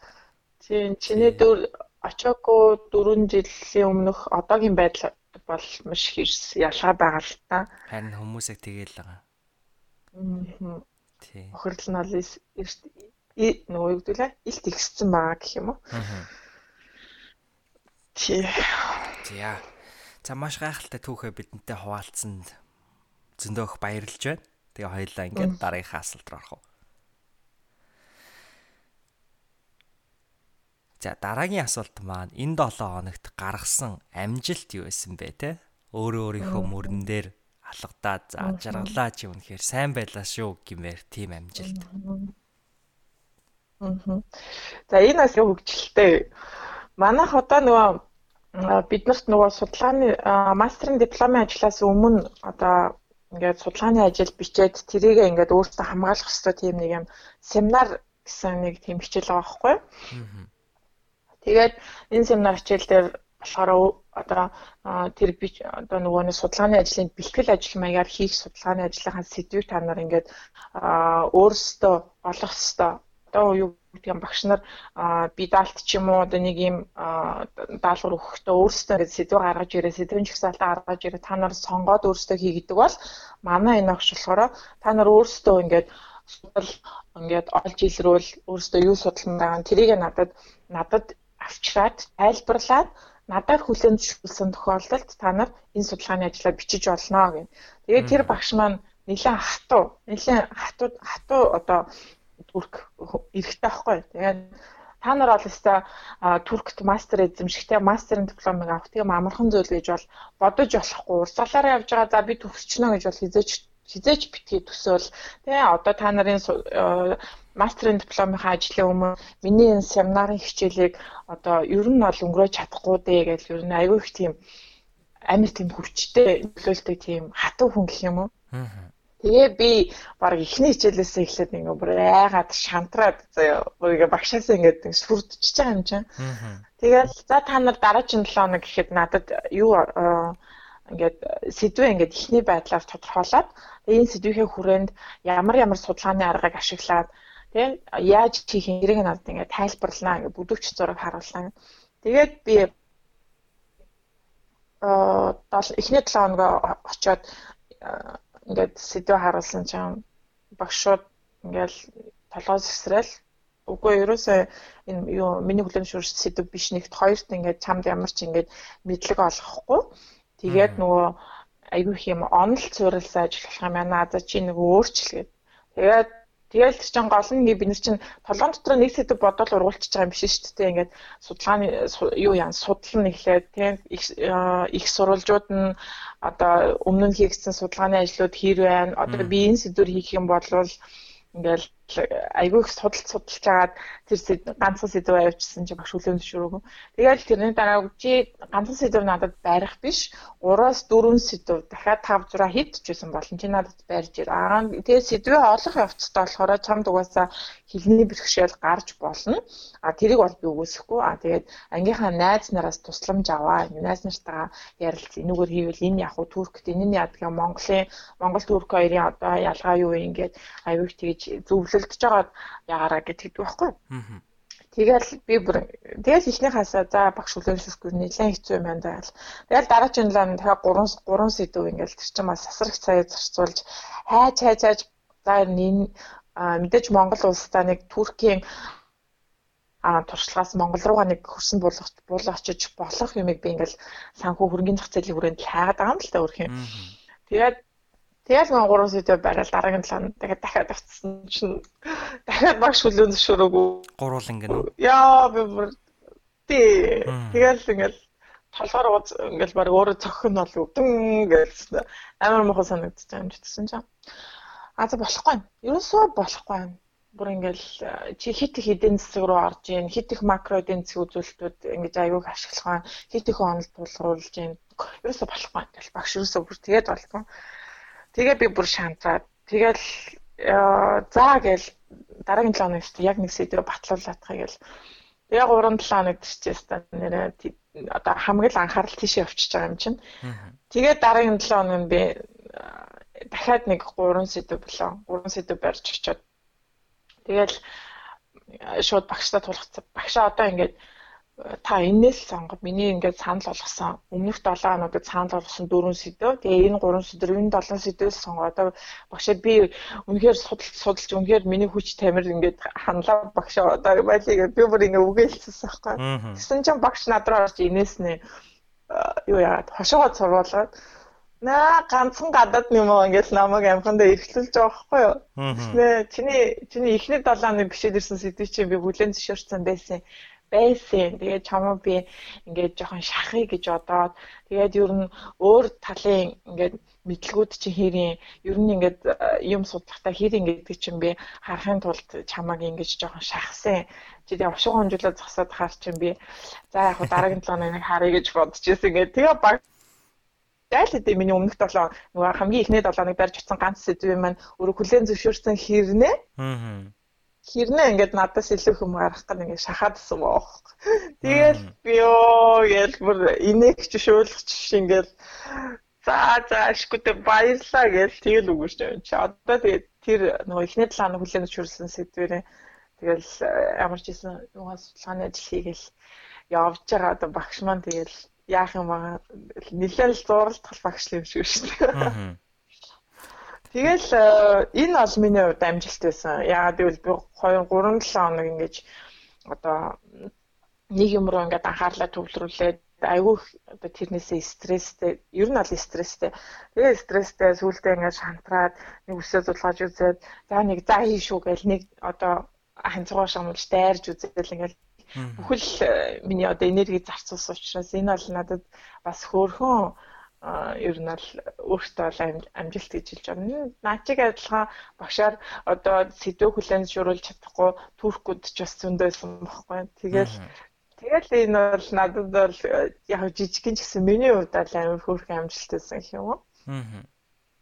Гэтэл яг үүндээ хамгийн ихнийх нь тэгэл ол болцсон байсан шүү дээ. Тэгээд тий 3 удаа ингээд нийтдээ 7 ингээд санаа өргөн бариад Тэгээд яг үүнийхээ дараа ингээ ихний санаа гэж байгаас авцсан байсан гэ ингээ хэлсэн чи яг ямар мэдрэмж авсан бэ ингээ уур нь хүрээгүй юу?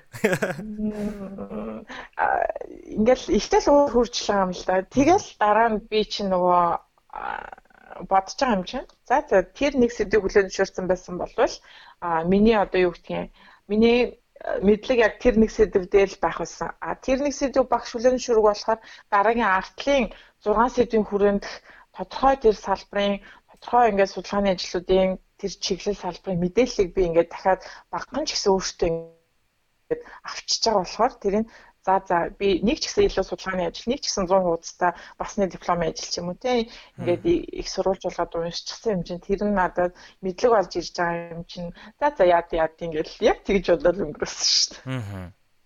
Бидэнд яг энэ түүхээс нь сурах сургамж бас маш их байна л да тий. Яг сонсож байгаа бидний хувьд ягаад гэхээр хэрвээ үнэхээр нэгдүгээр нэгдүгээр тэрхүү санаа нь өргөн байраад тэгээд тэр нь тэмцсэн бол өөр зүйлүүд рүү ингээд судалгаа хийхгүй байсан, тгээггүй байсан бол өнөөдөр мэдж байгаа олон зүйлийг мэдэхгүй байх байсан те. Тэгэхээр амьдрал мэдэхгүй байх байсан тийм. Тэгэхээр амьдрал гаж ирж байгаа янз бүрийн шинэ одоо тэрхүү чаленжуудыг бас хүлээж авах нь ашигтай юм байна гэж бодогдож байна. Тий. Тэгээд бас нөгөө сүүлийн үед би өөрөө өөртөө айгүйх ингэж хэлдэг болсон. Одоо би одоо юу гэдэг бусад эмэгтэйчүүд шиг одоо тим брендийн тим үнэтэй цүнх үрж чадахгүй байна.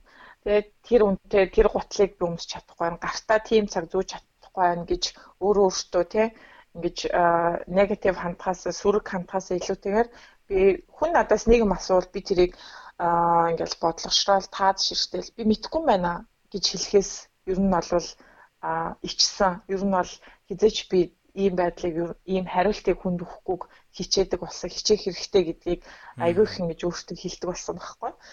Тэгэл яг нөгөө нэг энэ өөртөө хэлж байгаа одоо нэг ингээд өөртөө хэлж байгаа зарчим ч юм уу те. Тэгэл энэ зарчмынхаа дагуу бодчихлаа юм л та.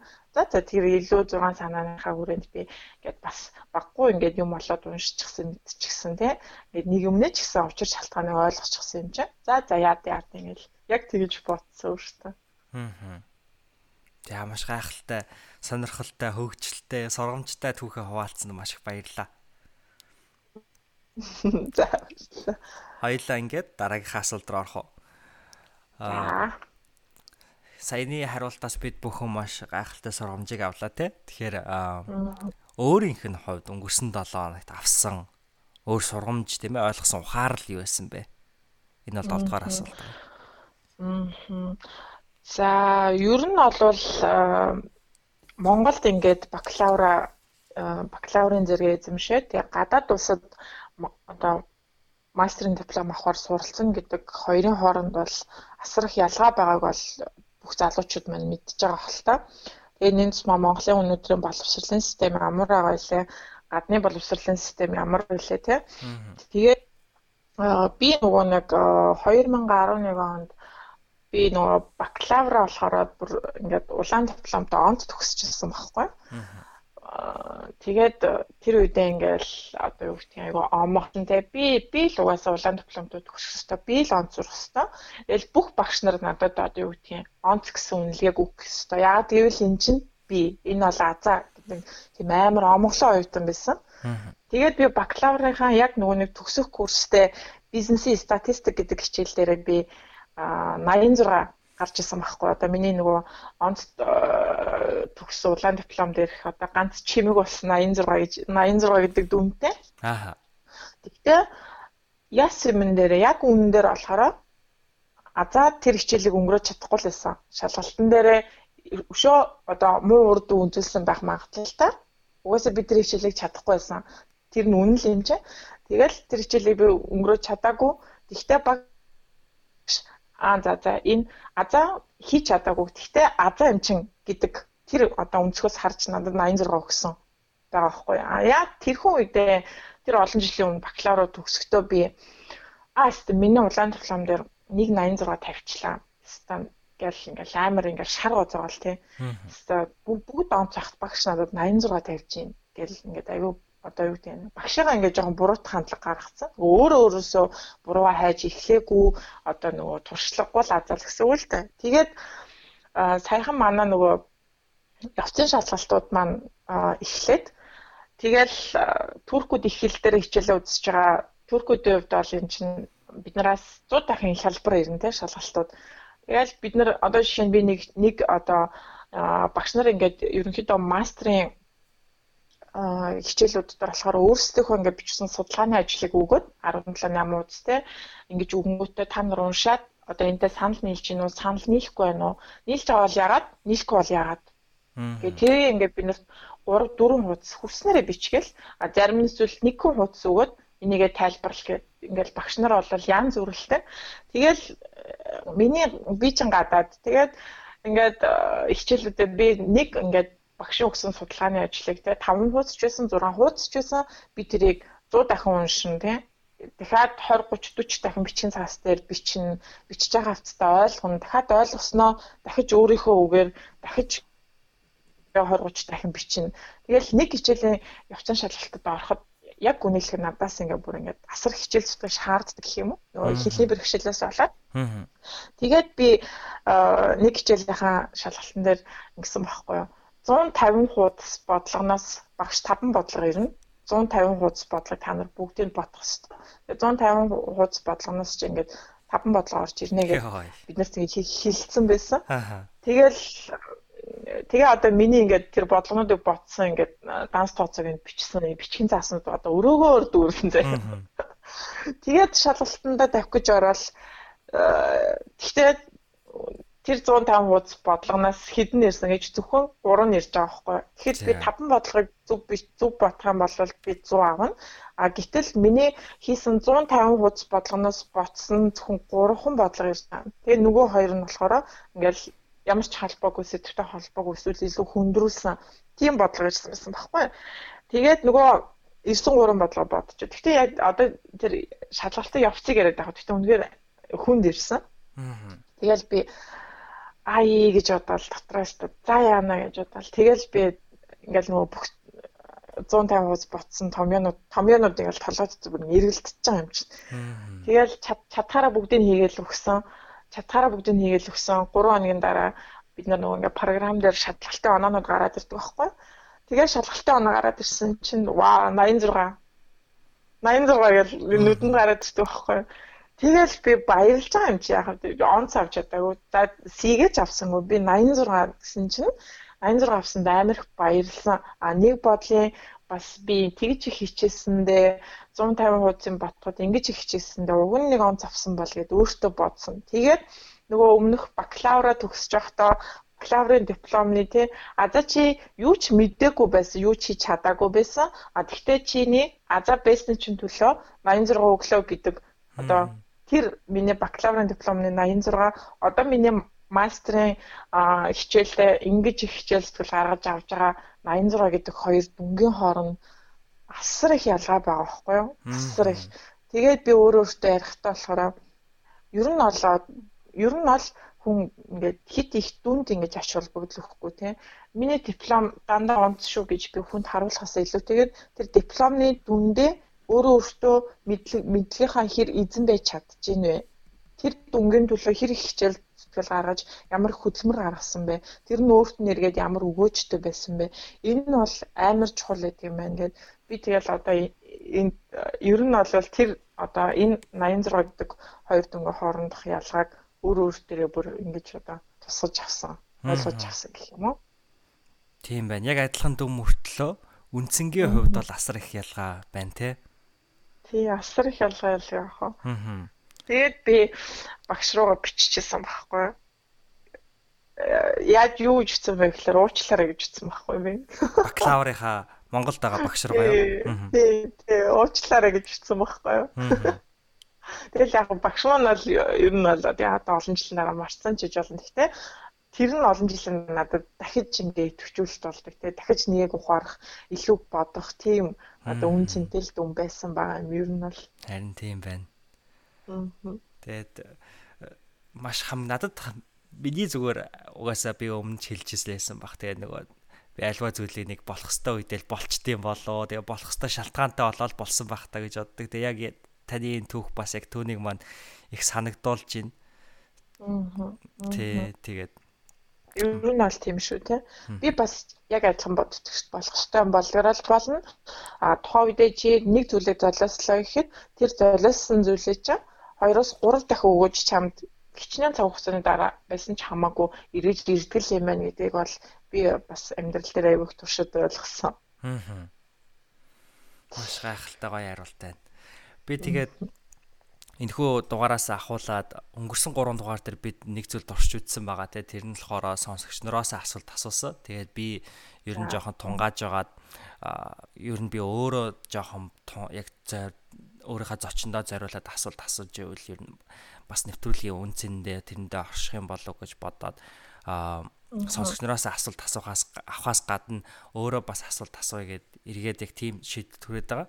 Тэгээд би яг өөртөө бэлдсэн асуулт ер нь бол нэлээд төс яг таны саяхан ярьсан түүхтэй багадгүй холбогдох асуулт байгаа байхгүй. Тэгээд тэр асуултаа байгаа одоо. За за тий. А одоо Туркэд хөрөнгө оруулалтын менежмент гэдэг мэрэгчлээ сурж байгаа тий. Тэгээд хөрөнгө оруулалт гэдэг үгийг бодоол сонсоол одоо англиар investment гэсэн үг шүү дээ тий. Тэгээ би шууд надад юу бодогдсон бэ гэхээр а энтэй айгу холбоотой. Та сая хэллээ шүү дээ. Дүнд их ач холбогдол одоо бүү өгөө гэх тий. Тэгээд өнөөдөр ингээд бидний амьдарч байгаа нийгэм бол яхаа аргагүй хувь хүн өөрийгөө нэг брэнд хэмжээнд харж үзээд нэг өөрийгөө маркет хийгээд за би нэг ийм хүн шүү гэд ингээд нэг бусдаас одоо юу гэдгийг шууд мөнгөн хөрөнгө оруулалт авахгүй ч гэсэндээ одоо ажилд авах ч юм уу те ямар тодорхой нэгэн байдлаар өөрийгөө сайн сурталчилж чадвал хүн нэг хөрөнгө оруулалт аваад байна да ямар нэгэн өөр байдлаар. Тэгээ танаас асуух гэсэн асуулт юу гэх юм бол өнөөдөр дүн жишээ нь хэллээ штэ өөрийгөө тодорхойлох нэг зүйл биш. Тэгвэл өнөөдөр хүн яг энэхүү 21-р зуунд бидний амьдарч байгаа энэ ялангуяа Монгол улсад маань яг өөрийгөө зөв одоо сурталчлах гэдэг юм уу те? Бусдаас одоо хөрөнгө оруулалт авах. Хат хамгийн чухал тэр одоо юу юу байна вэ? Бизнесийн талаас ч харахад хувь хүний амьдралаас ч харахад яг тэрхүү хамгийн гол зан чанар тийм ээ? Тэр нь яг юу байгаасаа гэж байна? За яг Монгол залуучуудын хүрээнд аваад үзвэл а ер нь бол миний бас өөртөө баримтлах чанар сайн дурын ажлыг 3 4 жил үргэлжлүүлж хийгээд өөртөө бий болгосон хамгийн чухал а хөрөнгө оруулагч мэдээж хөрөнгө оруулагч итгэлийг даажиж хөрөнгө оруулалт өөртөө татна тийм ээ. А тэгэхээр итгэл югаар дамжиж бий болох вэ гэхээр итгэл хувь хүнч байсан, сайн багш байсан, итгэл бол хариуцлагаар дамжиж ер нь бол давуу тал болно. Итгэл хариуцлагаар дамжиж бий болно. Тэгэхээр ер нь бол Монголд хувь хүнч гэлтгүү баг багаар одоо хамт хамтарч ажиллаж байгаа. Тэгээд тэр баг дотор нэг гишүүн болоод орчихсон л болвол эсвэл одоо юу гэдэг нэг хүнд ямар нэгэн байдлаар ихтгэл төрүүлсэн л болвол маш хариуцлагатай байх хэрэгтэй. Ер нь бол хариуцлага гэдэг бол улаан шугамны өрөөлж дээр байх хэрэгтэй. Хариуцлага нэг номерт байх хэрэгтэй. Хүнд ихтгэл төрүүлсэн л заавал хариуцлагатай байх хэрэгтэй. Ийм л нэг зан чанар тэгээд бас зарчим ер нь бол маш хэрэгтэй юм болоо гэж би боддог. Тэгээд э, яг ингээд сайн дурын ажиллаар ингээд хийгээд ингээд ирэхээр ер нь маш их хариуцлагатай болно. Хүнд бол хариуцлага гэдгийг бол бүр ингээд ясмаханд нь шингэлтэй тархинд нь суутал бол ойлгуулж өгсөн. Надад бол тэгж ойлгуулж одоо тийм их зүйлийг ойлгуулж өгсөн л та. Тэгэл одоо наандаж цагаа барих тийм ингээд цагаа барихаас хулаад тэгэл наандаж хүнд ямар амлалт өгсөн энэ ажлыг хийх ёстой байсан болвол а яг тэр хугацаанд хийж чадаагүй ч бол хийж чадаагүй болвол эрсдэл юу байж болох уу а хэрвээ хариуцлагатайгаар хийгээд ингэсэн бол тэндээс итгэл үснэ итгэлээс мэдээж мөнгөнч бай мөнгөн бусч бай бит бит бус ямар ч байдлаар хөрөнгө оруулалт үүснэл ер нь бол суурь нь ингэж л гарч ирэх болов уу гэж би бодож байна. Аа бас нэг асуулт байна. Тэр асуулт нь юу гэхээр ер нь ойрын 10 жилийн ч юм уу 20 жилийн ч юм уу тиймэрхүү төлөвлөгөө гаргадаг хүмүүс ингээд нэг гаргаад идэг штеп. Аа.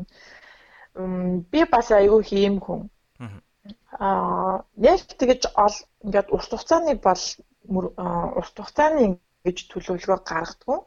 Аа, яагаад вэ гэхээр би яг одоо байгаадаа амьдрах дуртай. Яг одоо байгаа цаг мөчтөө дурлаад сэтгэлийн тагшаал аваад яг одоо байгаа ингээд цаг мөч өөрийнхөө амьдралд ингээд надад өгж байгаа юм нь юу вэ?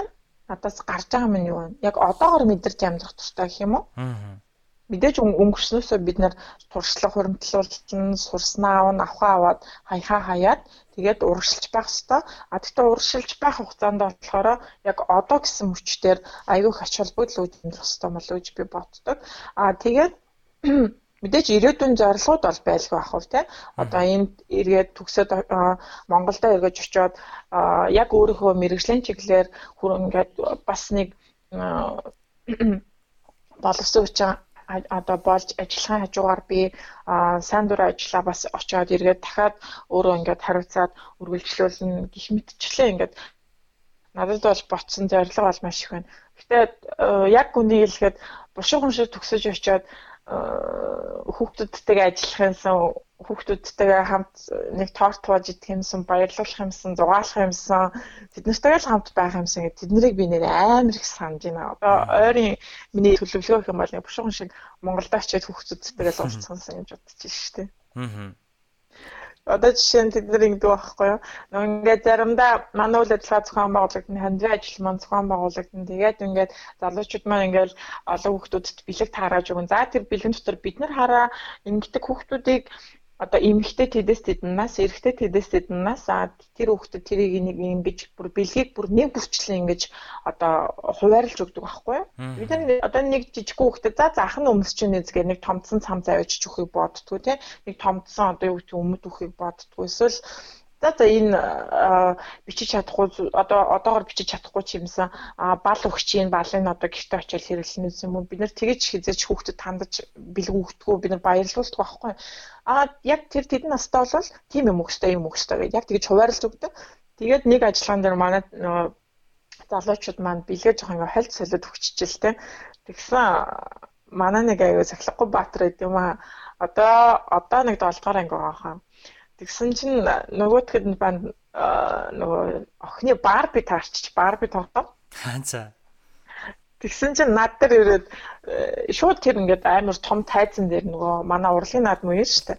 Том тайзан дээр шууд ингээд бүх бүх хүмүүс шагналах гардуулаад ингээд бүгд ингээд баяр ёслолын ингээд уурай амьсгалтай бидсэн чинь манер давхиж ирэнгуутаа хошоо хонжуулаад зогссон. Тэгээд яасан гэсэн чинь Йоо азаагч би би Барбигаар тоглох юм уу? Би Барбигаар тоглох юм уу гэдэг над руу овшоо хэмжүүлээд зогсчихдаг байна.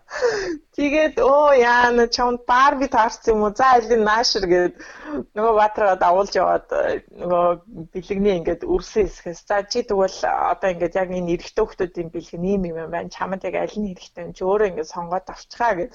Тэгсэн нөгөөдөг чинь Йоо, тийм байлгүй дээ гэл нэг том хүн шиг. Тэгэл тэгээ Барбара тавьчаад өөрийнхөө дуртай мэг авангуудаа нөгөө хошгоо хонжуулж над руу тийчэнд ирсэн нөхөр яах вэ? Энийг л бас гүгэд алга болно шүү дээ.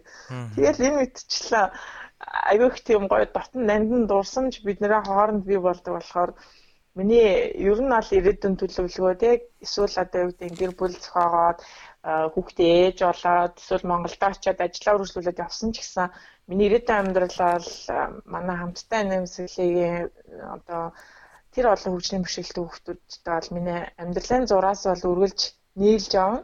Хизээч бол тэнараас холдохгүй гэж бол үргэлж одоо хүсэж зорддог гэх юм уу.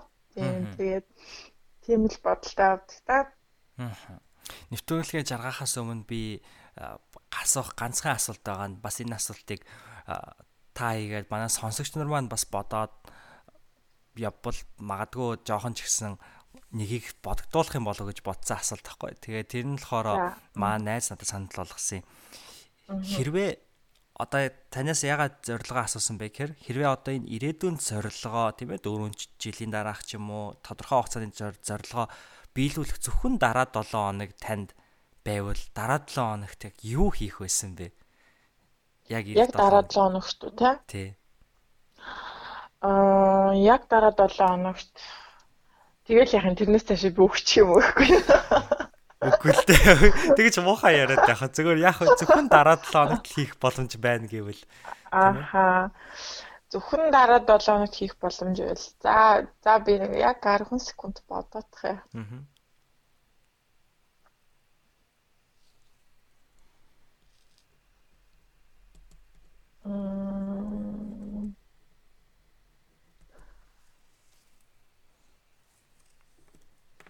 За амар их бодлуулт юм байна. Ста бодож үзээгүй байна. Нөгөө урт хугацаагаар амьдралаа төлөвлөж гараагүй юм чинь. Төлөвлөлдгөө юм чинь. Яг алийг сонгохоо гэлдэг чинь аль мөрөдлөө. Юу байж болох вэ гэхлээр. Ам дараагийн 7 хоног тэгвэл би юу яана? Аа одоо жишээ нь хэрвээ миний юу гэдгийг сандер ажилтаа холбоотой ийм нэг чухал шийдвэр гаргах хэрэгтэй байна. Энэ нь одоо танай сайн дур ажил цаашаа ингээд өшөө олон жил бат бөхсөөртэй тий хундам суурь нэм сайн тавигдаад эсвэл одоо үүдээ ирээдүйн баталгаа болох ийм нэг шийдвэрлэх юм чухал юм байна гэд эсвэл энэ Монголд тийм асуудал одоо шаардлага гарах эсвэл одоо Туркт би энэ одоо ихэлсэн мастрын ажлаа дуусгах гэж. Хэрвээ энэ хоёр сонголт надад хэрвээ ингээд бүр яг ирээдүйн зорилготой ч холбоотой чи энэ хоёр шийдвэрээ сонгоо гэх юм бол би бараг дараагийн цогт бараг тикт аваад Монгол руугаа нисч очиод бараг сайн дур ажиллаа хийгээд алийнхөө хамттай нэмсгэлээгээд гүйж авах ер нь тийм тийм л хүн шүү дээ. Тэгэхээр хэрвээ яг уу яг нөгөө ирээдүйн хит холын тийм зориг том юм юу зориг байхгүй яг одоогийн миний мөрөөдөл угаасаа сайн дур ажилт ажилтаа маань сашгүй холбоотой болохоор яг хэрвээ надад ийм байдал тулах юм бол би сайн дур ажил маань илүү одоо нийгмиг илүү их хамрах те илүү их бат бөх сүртэй болох тийм боломж хэрэг гарч ирэх юм бол тэгэл сайн дур ажлаа сонгоод Монгол руу нисэн дэхөө. Аа За маш гайхалтай хариулт байна. Хариулт юм. Аа. Тэгэлгүй яах вэ?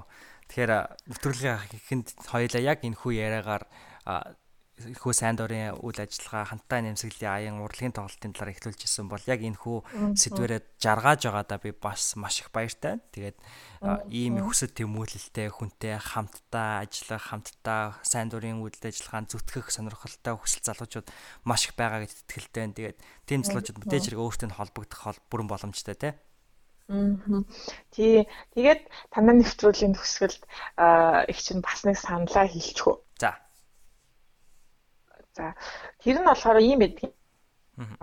Одоо манай монголчууд бол Facebook social ертөнцид бол үнэхээр идэвхтэй хэрэглэгчид те хамгийн их баг Facebook-ыг хэрэглэдэг улс орнд бараг л Монгол ах гэж би боддгийн. Тэгээд Facebook social ертөнц ер нь бол сайн дур ажилтаа маш их эргээр нөлөөлдөг. Зөв ашиглаж юм бол айгүй хүр ашигтай зүйл гэж би боддог байхгүй юу? Аа тэгвэл өнөөдөр яг сайн дур ажил гээд одоо ингээд сайн улсын аян гээд Монголд ярихад бол нэг хэсэг ингээд монголчууд айгүй их шуурал те. Аа нэг залуу явж байгаад гудамжинд байсан хүнд хушуур аваад өглөө 5000 лайк те. Аа дахиад нэг залуу ингээд явж исэн нэг юм имэд хараад тэр имэд ингээд өдрийнх нь хоолыг авч өгөөд ингээ баярлуулаад тэдэнд үрийн ханд өгчлөө. Ямар мундаг залуу вэ 100000 лайк. Тэ.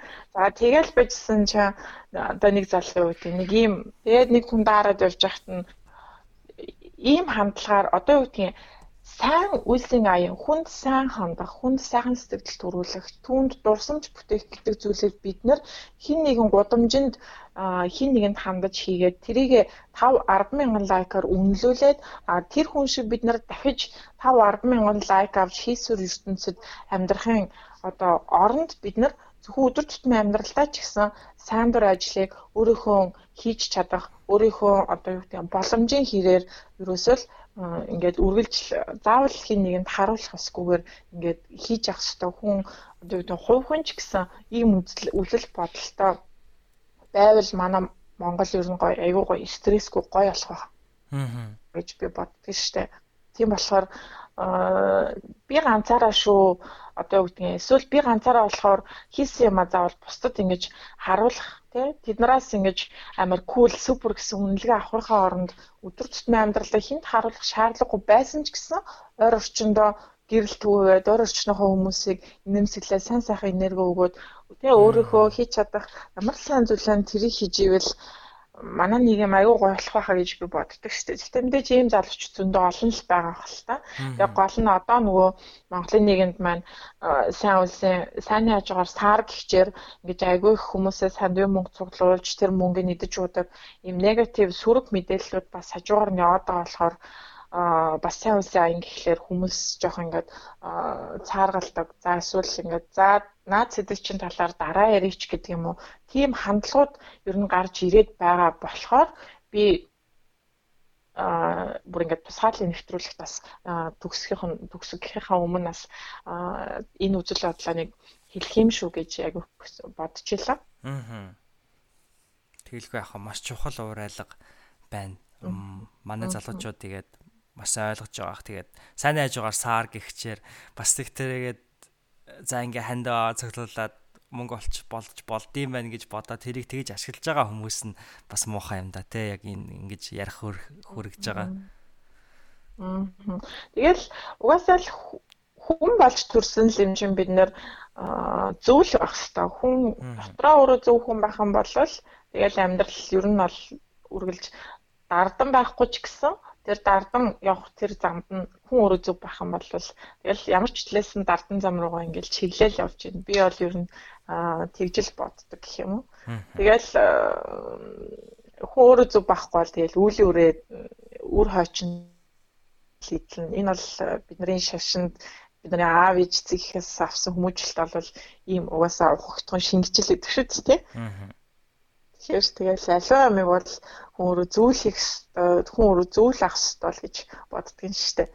Тэгэлгүй яах вэ? За маш их баярлалаа. Тэгээд энэ хүү ярилцлагаас би ч их зүйл сурлаа. Манай сонсогч нар маань ч гэсэн их зүйлийг сурж, их зүйлийг ойлгож, нэгийг бодож тунгаасан гэдэгт би туйлын хэтгэлтэй байна. Тэгээд миний урьдчилгыг хүлээж авсан ажаагалагчтай юуны дөрөнд маш их баярлалаа. За за би ч гэсэн маш их баярлалаа. Нямын нами подкастын сонсогчдыг би аягүй их тийм мэдлэгтэй айгуу тийм зөв залуучууд амар олон байдаг. А тэгээд дээр нь танаа оролцогчд болохоор одоо ийм онцлогтой гэж би харсан. Хин нэг олны танил болсон нэг одыг авчираад те за та хэрхэн амжилтанд хүрв гэж асууж байцаагаасаа илүүтэйгээр өнөөдөр зөв яваа залуучуудыг одоо энэ зөв үзэл бодол, энэ зөв үзэл баримтлал туршлагаас нь бусад залуучуудтай ингэж айгүй хуваалцуулж те нэгийг нь илүү мэдүүлчих юмсан, нэгийг ингээд ойлгуулчих юмсан гэсэн тийм нэг хандлагатай айгүй айгүй гоё подкаст. Би бол одоо цааш дүүргэлж угаасаа угаасаа сонсогч наа. Гэхдээ бас нэгэн сонсогч нөрүүлж байсаар байх болно гэдэг бас хэлмээр санагдлаа. Тэгээд чамтай ярилцах ч гэсэн айгүй тийм гоё эрэг нэр мэдрүүлсэн айгүй гоё ярилцлага боллоо гэж чинь бодчихъя. За маш их баярлалаа. Надад ч гэсэн маш адилхан мэдрэмж төрсөн. Тэгээд өдрөө үлдсэн өдрөө сайхан өнгөрүүлээрэ. Баярлалаа. За, за чамд ч гэсэн амжилт хүсье.